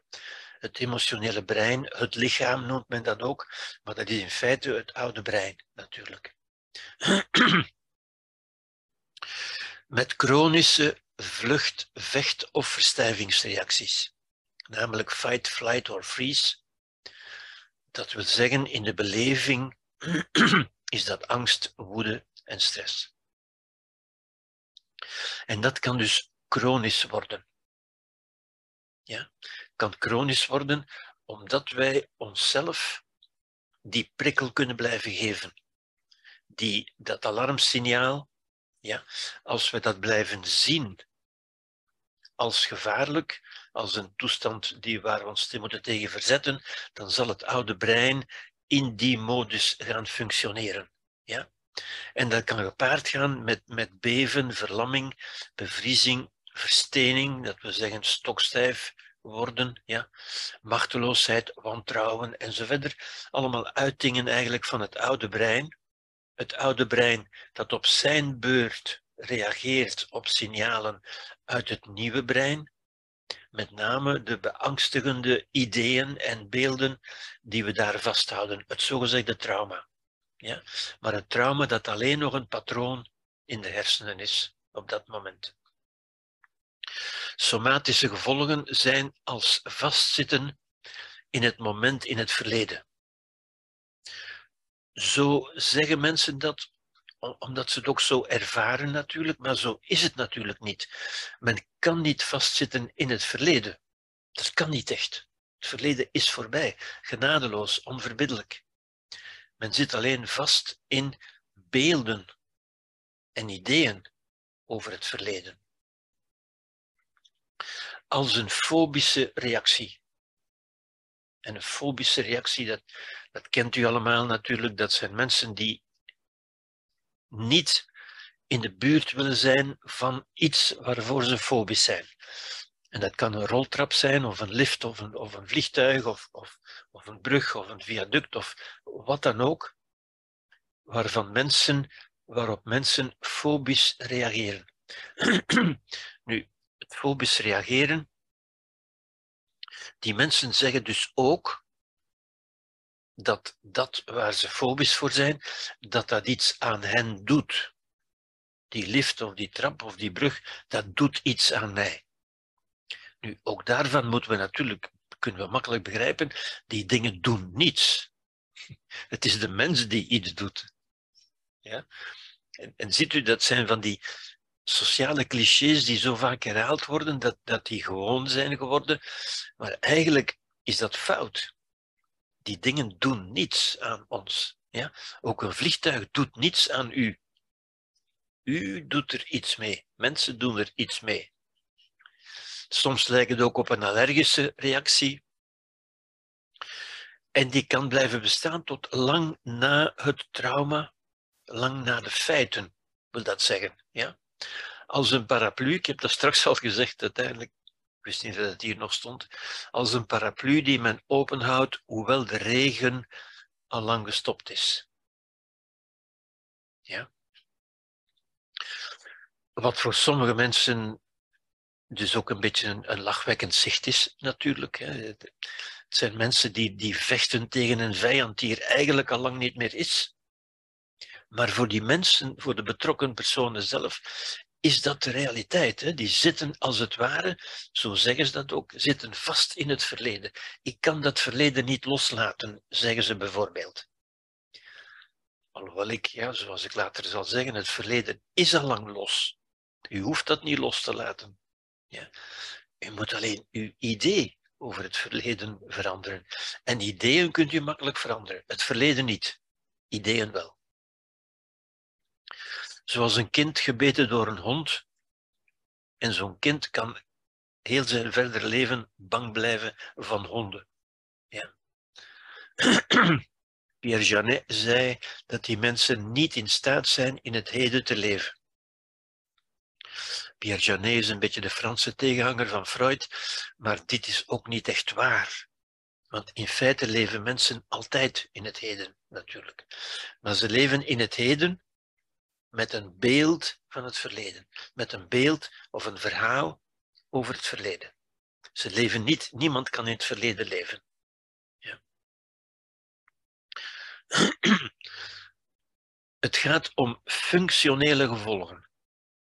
Functioneel, dat wil zeggen in wat men doet, in de functie, in de activiteit. Ja?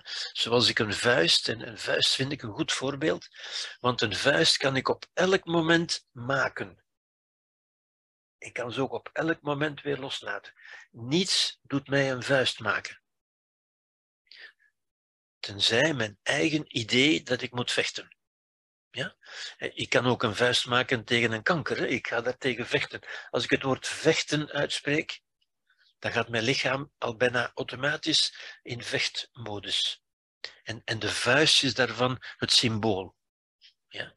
De vuisten die je ook altijd ziet uh, na de voetbal, zowel bij de, bij de juichers, bij de, bij de winnaars als bij de verliezers, maar ook in politieke meetings en zo verder staan mensen voortdurend met hun vuisten in de lucht te zwaaien.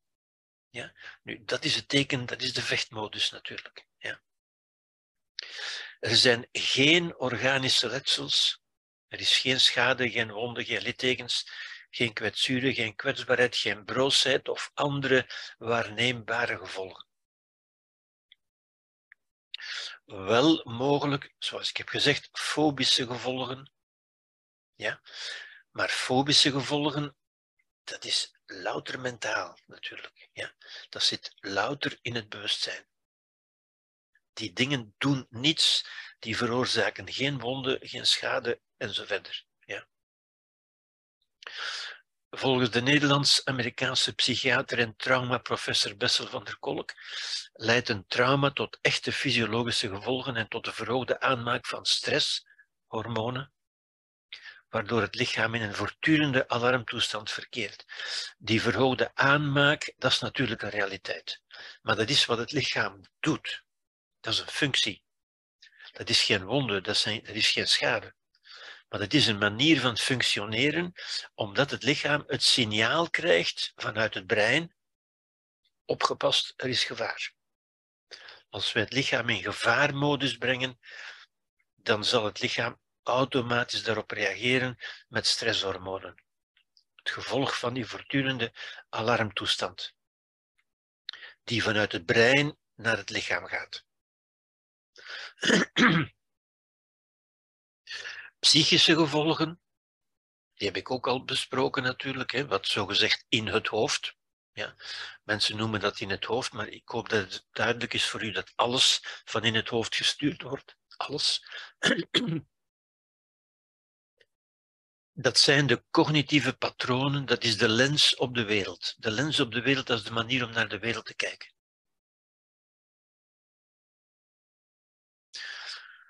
Dat wat men zogezegd geleerd heeft, mensen zeggen ik heb geleerd uit ervaring,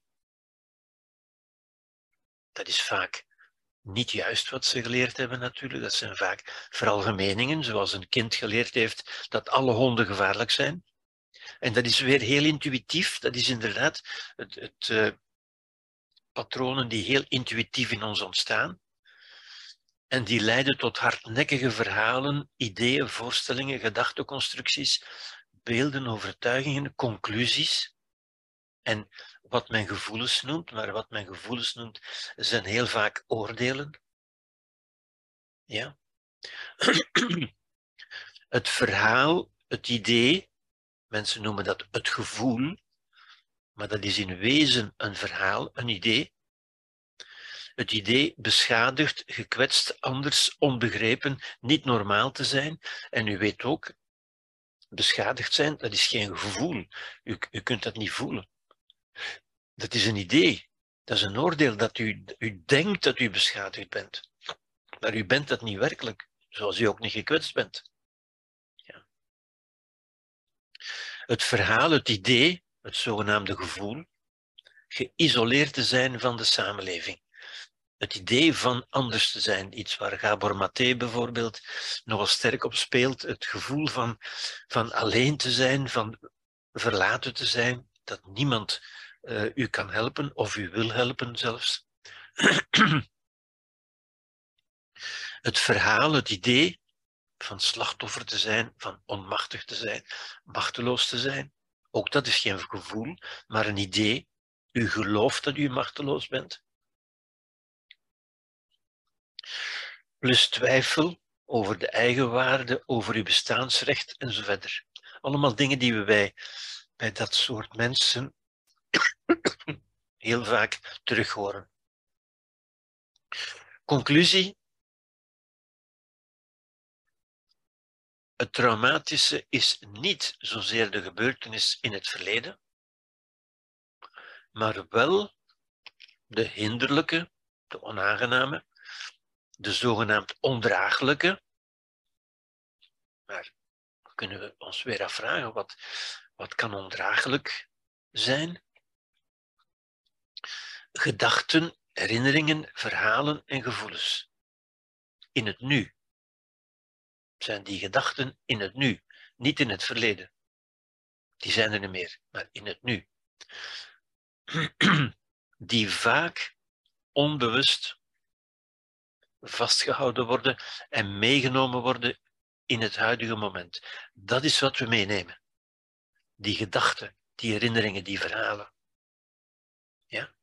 in het huidige moment. Niemand leeft in het verleden, dat, dat kan gewoon niet. Plus de lens waardoor men de wereld en zichzelf bekijkt.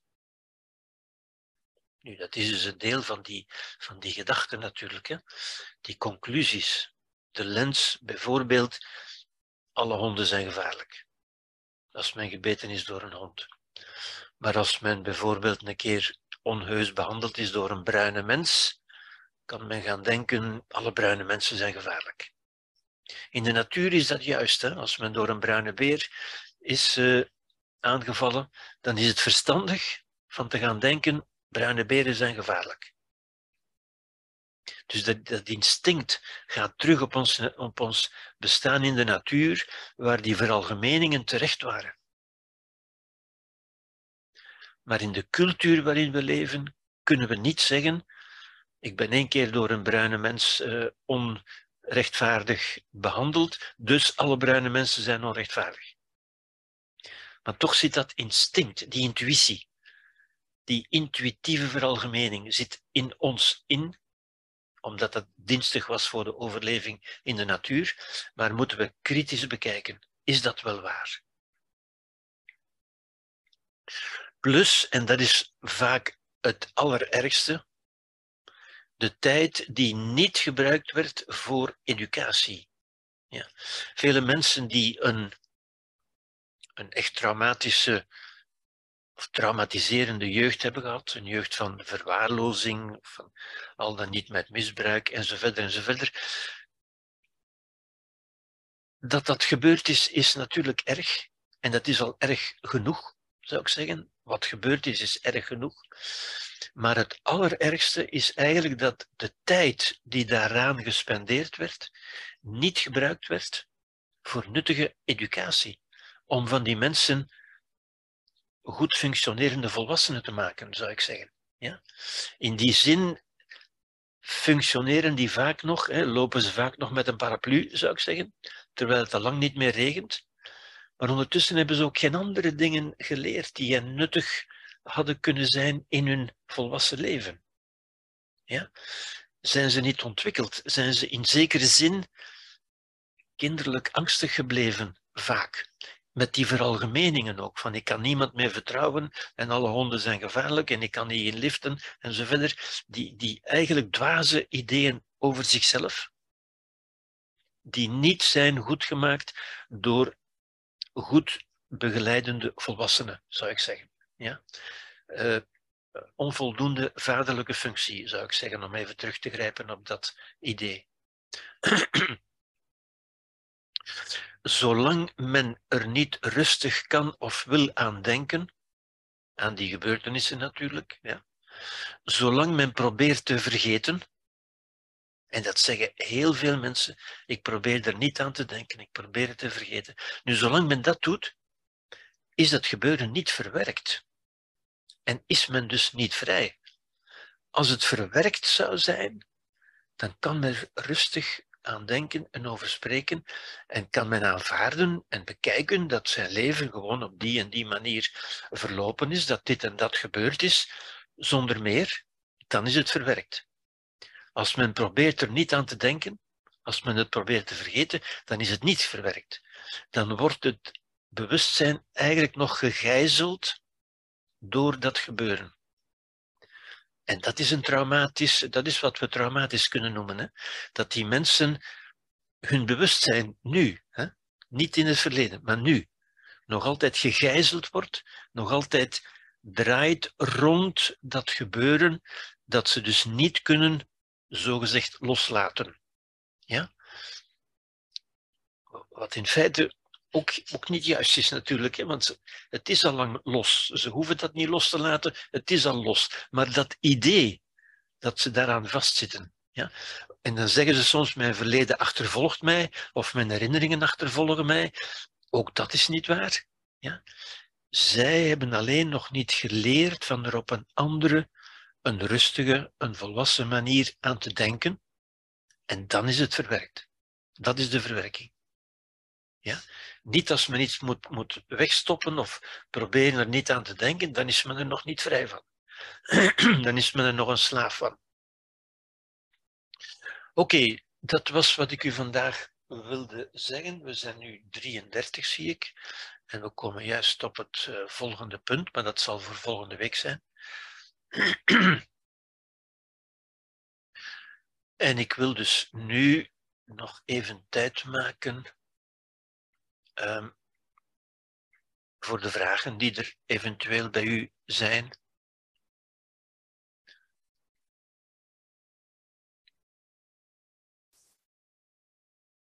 Ik ben een en al oor.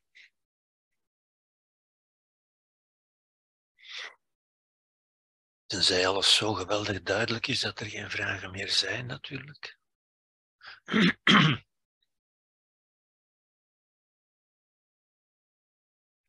U kunt ook vragen volgende keer nog stellen hoor, want ik, ik begrijp natuurlijk wel dat sommige mensen daar even moeten over nadenken.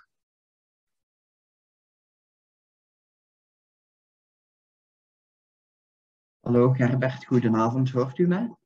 Kenny, ja, ik hoor je. Ja. Als je even je camera aanzet, dan kan ik je ook zien. Dat zou ik um, fijner vinden. Ja, dat begrijp ik. Ik ga mijn best doen om dat snel uh, geregeld te krijgen. Ah, voilà, kijk. Ja. Ja, Kenny, ja. Hallo allemaal. Uh, Gerbert, uh, merci voor de interessante avond. Um, ik ben papa geworden sinds anderhalf jaar en ik heb Ja? natuurlijk um, met aandachtig geluisterd naar de stukken over um, wat als je een kind zou verliezen. Ja. Ja. En ik, ik vind het heel nuttig, alles, alles wat je vertelt. En ik kan er mij ook helemaal in vinden. Toch, en nu komt mijn vraag, hè, mocht, het, mocht het grote tragische gebeuren dat ik mijn kind zou verliezen, mocht zich dat voordoen, Ja.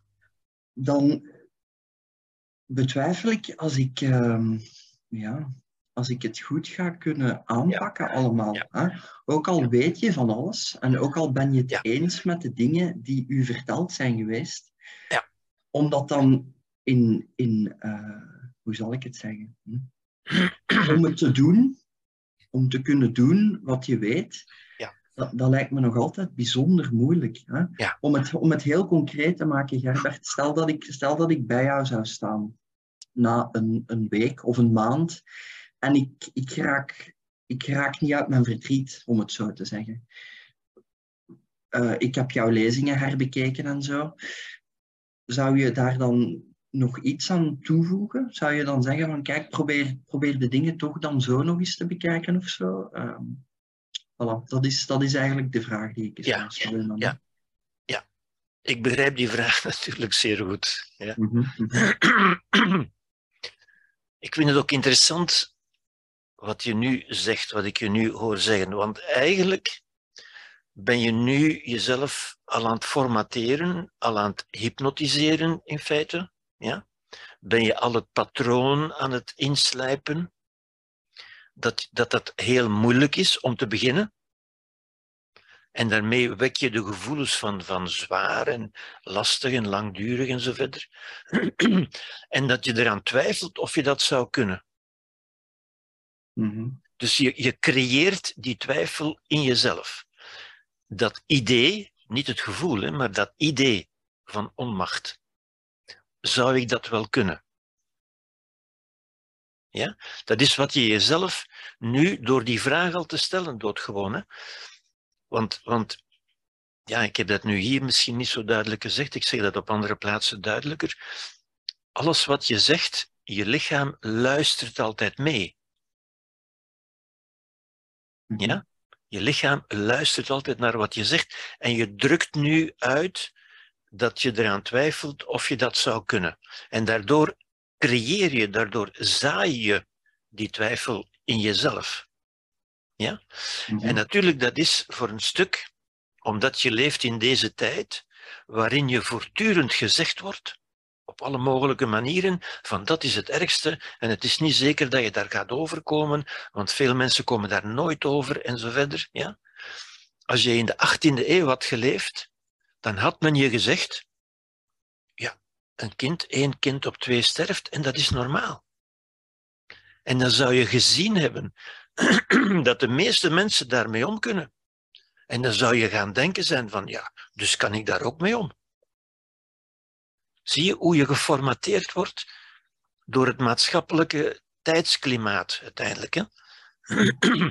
en je hebt dat overgenomen natuurlijk, om- omdat ja, een kind neemt alles over. Kan niet anders. Hè?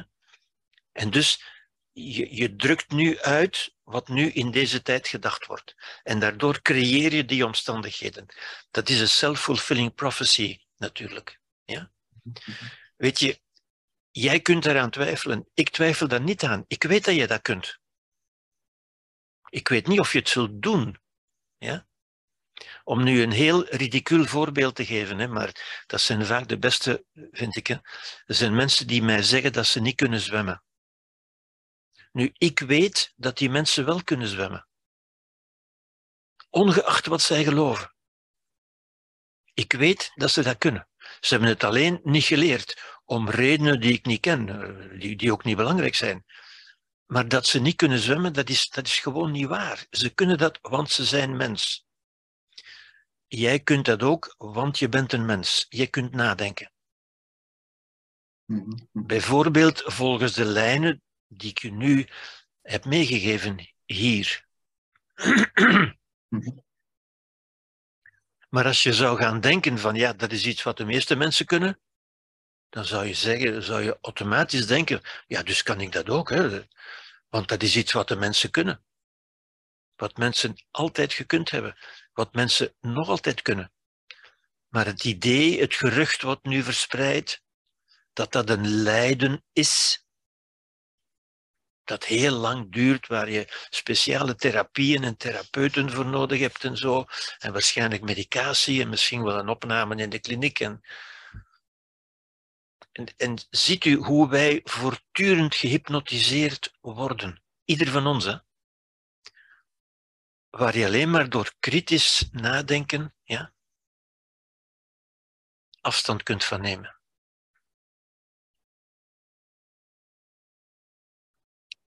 ik weet niet of dat antwoord je voldoet, Kenny. Uh, ik ga daar eens over nadenken. Hè. Dat lijkt mij het beste. Ja, ja. Ik ga daar eens over nadenken. Zeker, zeker. Ik, ik denk, ik, ik, ik begrijp dat hoor. Je moet daar inderdaad over nadenken. Mm -hmm. Want nu is dat iets wat ik tegen jou zeg. Je moet dat tot je eigen waarheid maken. Je moet dat ook niet geloven omdat ik het zeg. Je moet daar zelf over nadenken. Uh, ik, ik, heb denk ik geprobeerd om argumenten aan te reiken. Je moet dat niet doen omdat ik het zeg, uh, maar omdat ik er argumenten voor heb aangereikt, waarvan je denk ik kunt zeggen van ja, inderdaad, uh, het klopt, het is zo. Oké, okay, dank u wel. Alsjeblieft, Kenny. Zijn er nog vragen? Ja, lieve. Um,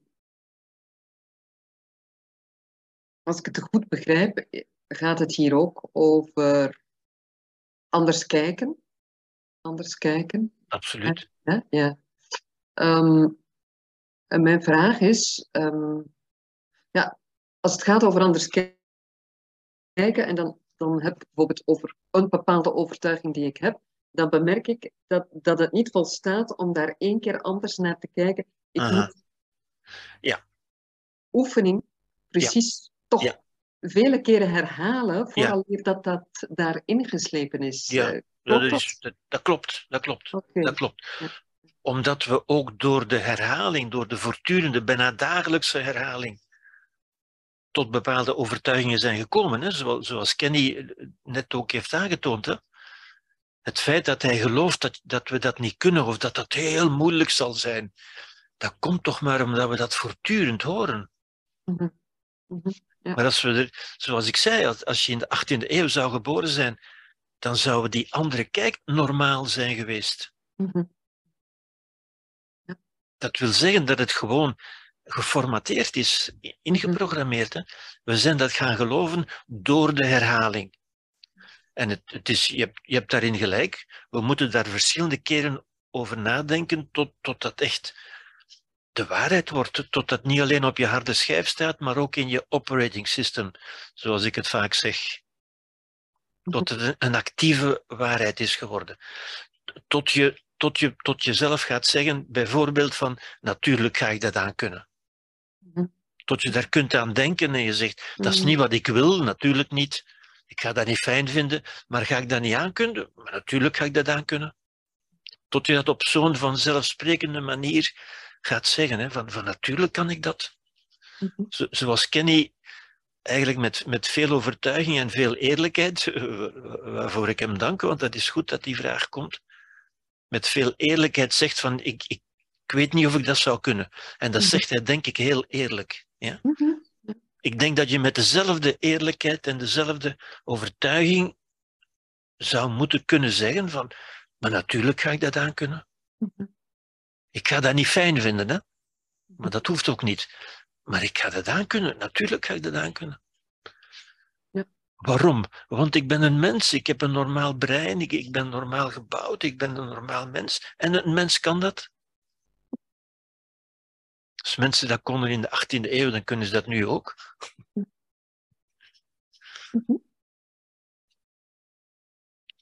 Kan ik nog een vraag stellen? Zeker, zeker. zolang anderen hun hand niet opsteken. Um, ergens zei je ook een lezing van dat uh, elke ingrijpende gebeurtenis, of die nu positief of negatief is, dat dat inderdaad um, bijdraagt aan het mentale landschap en ook onze neurologische structuur verandert. Ja. Um, dat kan in het geval van trauma dan dus. Die wijziging in de neurologische structuur is geen obstakel om, om Nee. te kunnen anders kijken. Als Nee, zeker niet. Zeker niet. Ik denk bijvoorbeeld, om nu terug te grijpen naar wat jij zegt en wat Kenny ook zei, de, de overtuigingen die wij nu hebben, van, van bijvoorbeeld ik ga dat niet aankunnen, bijvoorbeeld, hè, ook dat heeft een neurologische imprint, hè, maar die door de vele herhaling zodanig sterk is geworden dat dat de normaliteit lijkt. En dat je moeite moet doen om er anders over te denken. En dat komt mede door je neurologische structuur. Ja? Maar als je er meer anders gaat over denken dan, dan je aanvankelijk dacht, dan verandert die neurologische structuur ook. Hè? Dan kan je terug veranderen dan. Ja, dat, dat, is, Ja. dat is niet in, in beton gegoten. Hè? Dat Dat is- is die, die zogenaamde plasticiteit. Ja, waar- waar- absoluut, absoluut. Alles wat je bij herhaling doet, vestigt zich in je brein. En hoe meer je dat herhaalt, hoe steviger zich dat vestigt. Net zoals wat je doet invloed heeft op je spieren. Hè? Welke spieren je gebruikt, die worden, die worden steviger. En dat is met je brein net zo. Dat is geen obstakel, zeker niet. Het maakt wel dat, dat je zegt, en dat, dat Kenny ook zegt, van ja, daar moet ik toch eens over nadenken. Hè? Want dat, dat, dat is een zodanige wijziging, dat, dat, dat, dat- ja, daar moet ik eens over nadenken. Ja.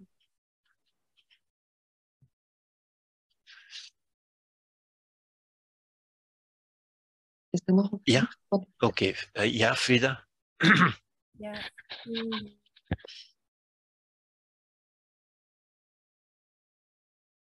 Je bent weg. Frida is weg. Ik weet niet of je ons nog hoort. Frida is frozen. Ja.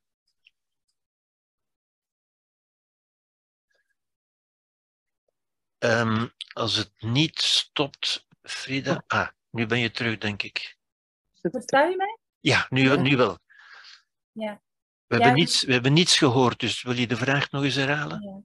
Ja, je spreekt daar hè, van die, als er iets gebeurt, dat je in een shock geraakt, hè, dat je narratief, eh, dat je verbijsterd bent en eh, je vertrouwde narratief wegvalt. Ja. Ehm, dus je verliest je vertrouwen in hoe dat je de wereld zag of hoe dat je het ervaarde.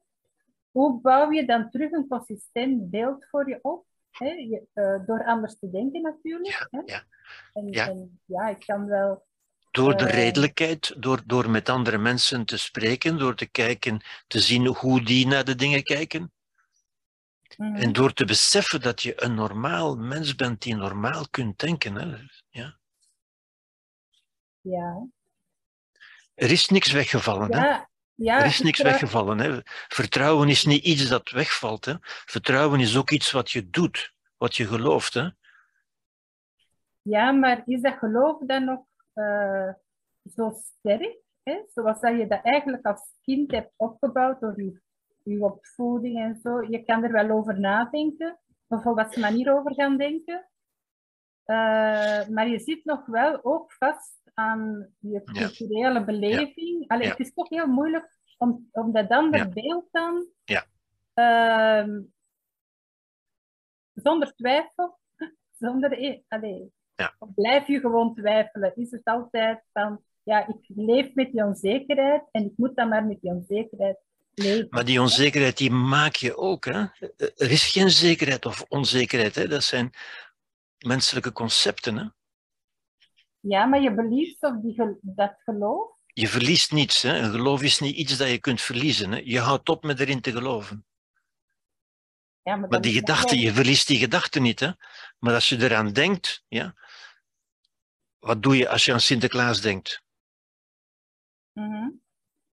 Dan glimlach je toch. Hè. Dan zeg je, ja, je herkent dat. Je zegt, ja, dat is iets waar ik in geloofd heb, maar waar ik nu niet meer in geloof. En je kunt ook nog twijfelen aan Sinterklaas natuurlijk, hè, maar uiteindelijk heb je in de loop van je leven toch voldoende argumenten verzameld om te zeggen, ja, nu, nu weet ik het wel zeker. Maar zo kun je toch ook zeggen, van, van, als je bijvoorbeeld naar de 18e eeuw kijkt en zegt, ja, al die mensen die konden daarmee om. En, en wij zouden dat niet meer kunnen. Dat, dat houdt toch geen steek? En het is dat, op, op grond van argumenten kom je tot de conclusie, tot, tot de stevige conclusie van, van Dat kan niet, hè? dat je daar nooit meer overkomt, dat kan niet. Zoals er ook geen dingen binnenkomen en, en er niet op inhakken en zo. Dat, dat zijn populaire uitspraken waarvan je moet zeggen, ja, dat, dat klopt niet. Hè? Dat klopt niet. Je zit ook niet vast in het verleden. Hè? Moet je het verleden loslaten. Als je daarover denkt, hoe meer je erover denkt, zeg je, ja, wat moet ik nu eigenlijk loslaten? Het verleden is toch al voorbij, het is toch al los. En zo kom je tot stevige conclusies. Hè? En, en ga je verder in je denken. Hè? En je kunt ook denken, wat is vertrouwen uiteindelijk? Ja? Uiteindelijk vertrouw je toch ook je hart en, en je longen en, en je benen. Uh, hoe doe je dat om, om, om een trap op te, op te gaan, bijvoorbeeld? Dan vertrouw je toch in je benen, hè? want je, je weet toch niet wat je moet doen. Hè? Zo kun je ook vertrouwen dat je kunt zwemmen. Ook al heb je geloof dat je niet kunt zwemmen. Maar zeg ja, iedereen kan dat. En, ik, ik heb armen, ik heb benen, ik kan dat dus ook. Ja? Door na te denken, door redelijk na te denken. Ja? Als je voedsel in je mond steekt, dan vertrouw je toch je lichaam dat het, dat het daar de goede dingen gaat uithalen en de rest zal, zal wegwerken. Maar zo kun je ook je brein vertrouwen. Hè? Als je aan je brein ideeën voedt, maar je brein zal daar ook mee aan het werk gaan. En dat is ook het enige wat je moet vertrouwen. Hè? Je, je moet niemand vertrouwen. Hè? Je moet alleen jezelf vertrouwen dat je een normaal mens bent. Ja, ja. Je moet niemand vertrouwen. Je moet ook mij niet vertrouwen. Hè? Je, je moet mij Nee, niet geloven. Hè? Nee, ik Ik, maar ik geef je argumenten aan. Waarmee jij jezelf kunt overtuigen. Ja, dat, ik begrijp dat. En, maar er zit altijd zo'n twijfel van, eh, is het geen illusie wat ik Ja, ja, mezelf wijs ja, maak, ja. of wat ik mezelf denk, of de Ja. gedachten die ik niet vorm. Ik kan je geruststellen, het is een illusie. Eh, We kunnen niet zonder illusies. En sommige illusies zijn zo goed dat ze zelfs bruikbaar zijn. Maar het blijven illusies. Dat wil zeggen gedachteconstructies. Is dat geen illusie? Ja, dat is een illusie. En dat is wat de Boeddha ook zei. De Boeddha zei, eh, je gelukkig zijn dat ze een fijne droom hebben. Ongelukkig zijn dat ze een nare droom hebben. Verlichting is wakker worden. Dat wil zeggen, beseffen dat je zowel een fijne als een nare droom kunt hebben.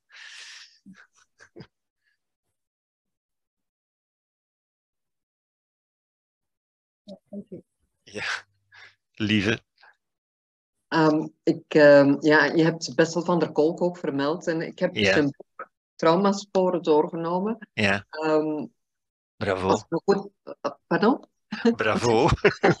het, is een, het, is een, het is een lijvig boek. hè. Het is een lijvig boek, inderdaad. Eh, Ja, ja, eh, zeer gedocumenteerd, zeer interessant. Ja, ja, ja, zeker. En eh, het is alweer een tijdje geleden, dus als ik me daar goed herinner, eh, haalt hij toch ook gevallen aan van mensen die in de Vietnam, Vietnam-veteranen, dus Ja. mensen die heel echt vreselijke dingen hebben meegemaakt in de oorlog. En dat die eigenlijk, als ik mij goed herinner, eigenlijk via de redelijkheid daar niet meer bij kunnen, als Ja. het ware Ja. geblokkeerd worden, daar zelfs niet meer aangeraken bijna Ja. aan, Ja. aan die... Nu, ik ga daar ook iets over zeggen eh, volgende keer Ah ja, natuurlijk. hè, want ik, ik, ben, ik ben het ermee eens, ik ben het ermee eens, maar dat zijn wel echt uitzonderlijke gevallen eigenlijk. Hè. Dat is niet wat de meeste mensen hier trauma Nee, noemen. dat is, dat is niet te vergelijken met een scheiding of een... Nee. Nee. Dat zijn extreme dingen waarvoor inderdaad extreme... Ja, andere methoden- methodes. Ja, ja. Ja, Oké, dat, is waar, dat is waar. Ik Ja, ja. het eens, ja. Waarvan Bessel van der Kolker een aantal opnoemt. Ik ga die Ja. trouwens eh, volgende keer ook eh, Ah ja, oké, Ja. va, want ik wou daarover beginnen, maar dat wacht ik. Ja, oké. Ja. Ja, ja, oké. Oké. Ehm, zijn er nog vragen of bedenkingen? Zo niet. Ah, ik zie Marie-Roos. Marie-Roos nog? Uh, Marie-Roos, kan je je We microfoontje, zien dat je iets zegt. je microfoontje aanzetten? Ja, ik zit toch met de vraag of je ooit vrij kan zijn van de herinnering van een trauma.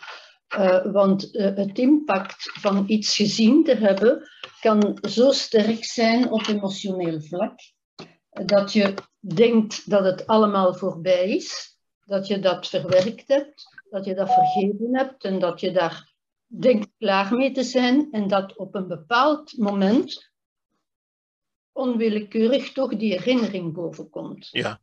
Dan vraag ik me af, kan je daar ooit... Allee, het komt vanzelf. Juist. Uh, de herinnering kun je niet beletten. Mm -hmm. Niemand kan zijn verleden wissen en niemand kan beletten dat herinneringen uit het verleden, dat die opduiken aan de hand van, men weet niet goed waarom, omdat er dingen gebeuren die, die eraan doen denken. Uh, ja. Maar dat is ook geen probleem. Dat is ook geen probleem. Ja. Dat is ook geen probleem. Het is hoe je eraan denkt. En als je, ik heb, ik heb het ook duidelijk gezegd, als je nog probeert het te vergeten, dan wil dat zeggen dat je er niet mee klaar bent. Ja. Zolang je probeert het te vergeten, dat is al een vorm van verzet tegen die herinnering. En dat wil juist zeggen dat je er niet mee klaar bent. Ermee klaar zijn, dat wil alleen zeggen, ik kan er rustig aan denken. Ik kan rustig aanvaarden dat mijn leven op zo en zo manier gebeurd is. Dat is gebeurd, inderdaad, dat is gebeurd. Ja? Dat ontkennen heeft geen enkele zin. Dat proberen te vergeten heeft geen enkele zin. Je moet aanvaarden. Kan... Pardon. Ja, zeg maar. De herinnering kan ongewenst plots daar zijn. Ja, absoluut. Maar dat is ook geen probleem dan. Nee. Als je zegt, ja, inderdaad, dat is gebeurd. Punt. Mm. Dat heeft ook geen macht meer, hè? dat heeft ook geen invloed meer. Hè? Maar er vrij van zijn, nee, niemand is vrij van zijn verleden. Hè? Mm -hmm. In de zin, het verleden blijft aanwezig, maar het heeft één aangename eigenschap, dat is dat het verleden is. Ja, ja, natuurlijk. Het, het is al geleden. Je hoeft er niet meer opnieuw om te lijden. Nee, nee, zeker niet. Um, je kunt er je lessen uittrekken, hè? alleszins. In ieder geval, ja, zeker. zeker. Maar het zal nooit weggaan. Het verleden gaat nooit weg.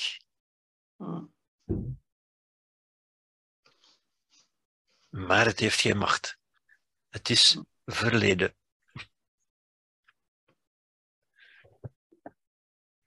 Oké. Geen verdere vragen meer of bedenkingen? Nu, we gaan volgende week hierop verder. Dan kunt u natuurlijk nog vragen stellen, als die er nog zijn. Oké, okay, dan dank ik u voor uw aandacht. Wens ik u nog een mooie avond. En zien we elkaar terug volgende week. Dankjewel. Dank u wel. Dank u wel. Dank u wel. Dank u wel. Dank u wel voor die lezing. Iedereen, dag. Dag.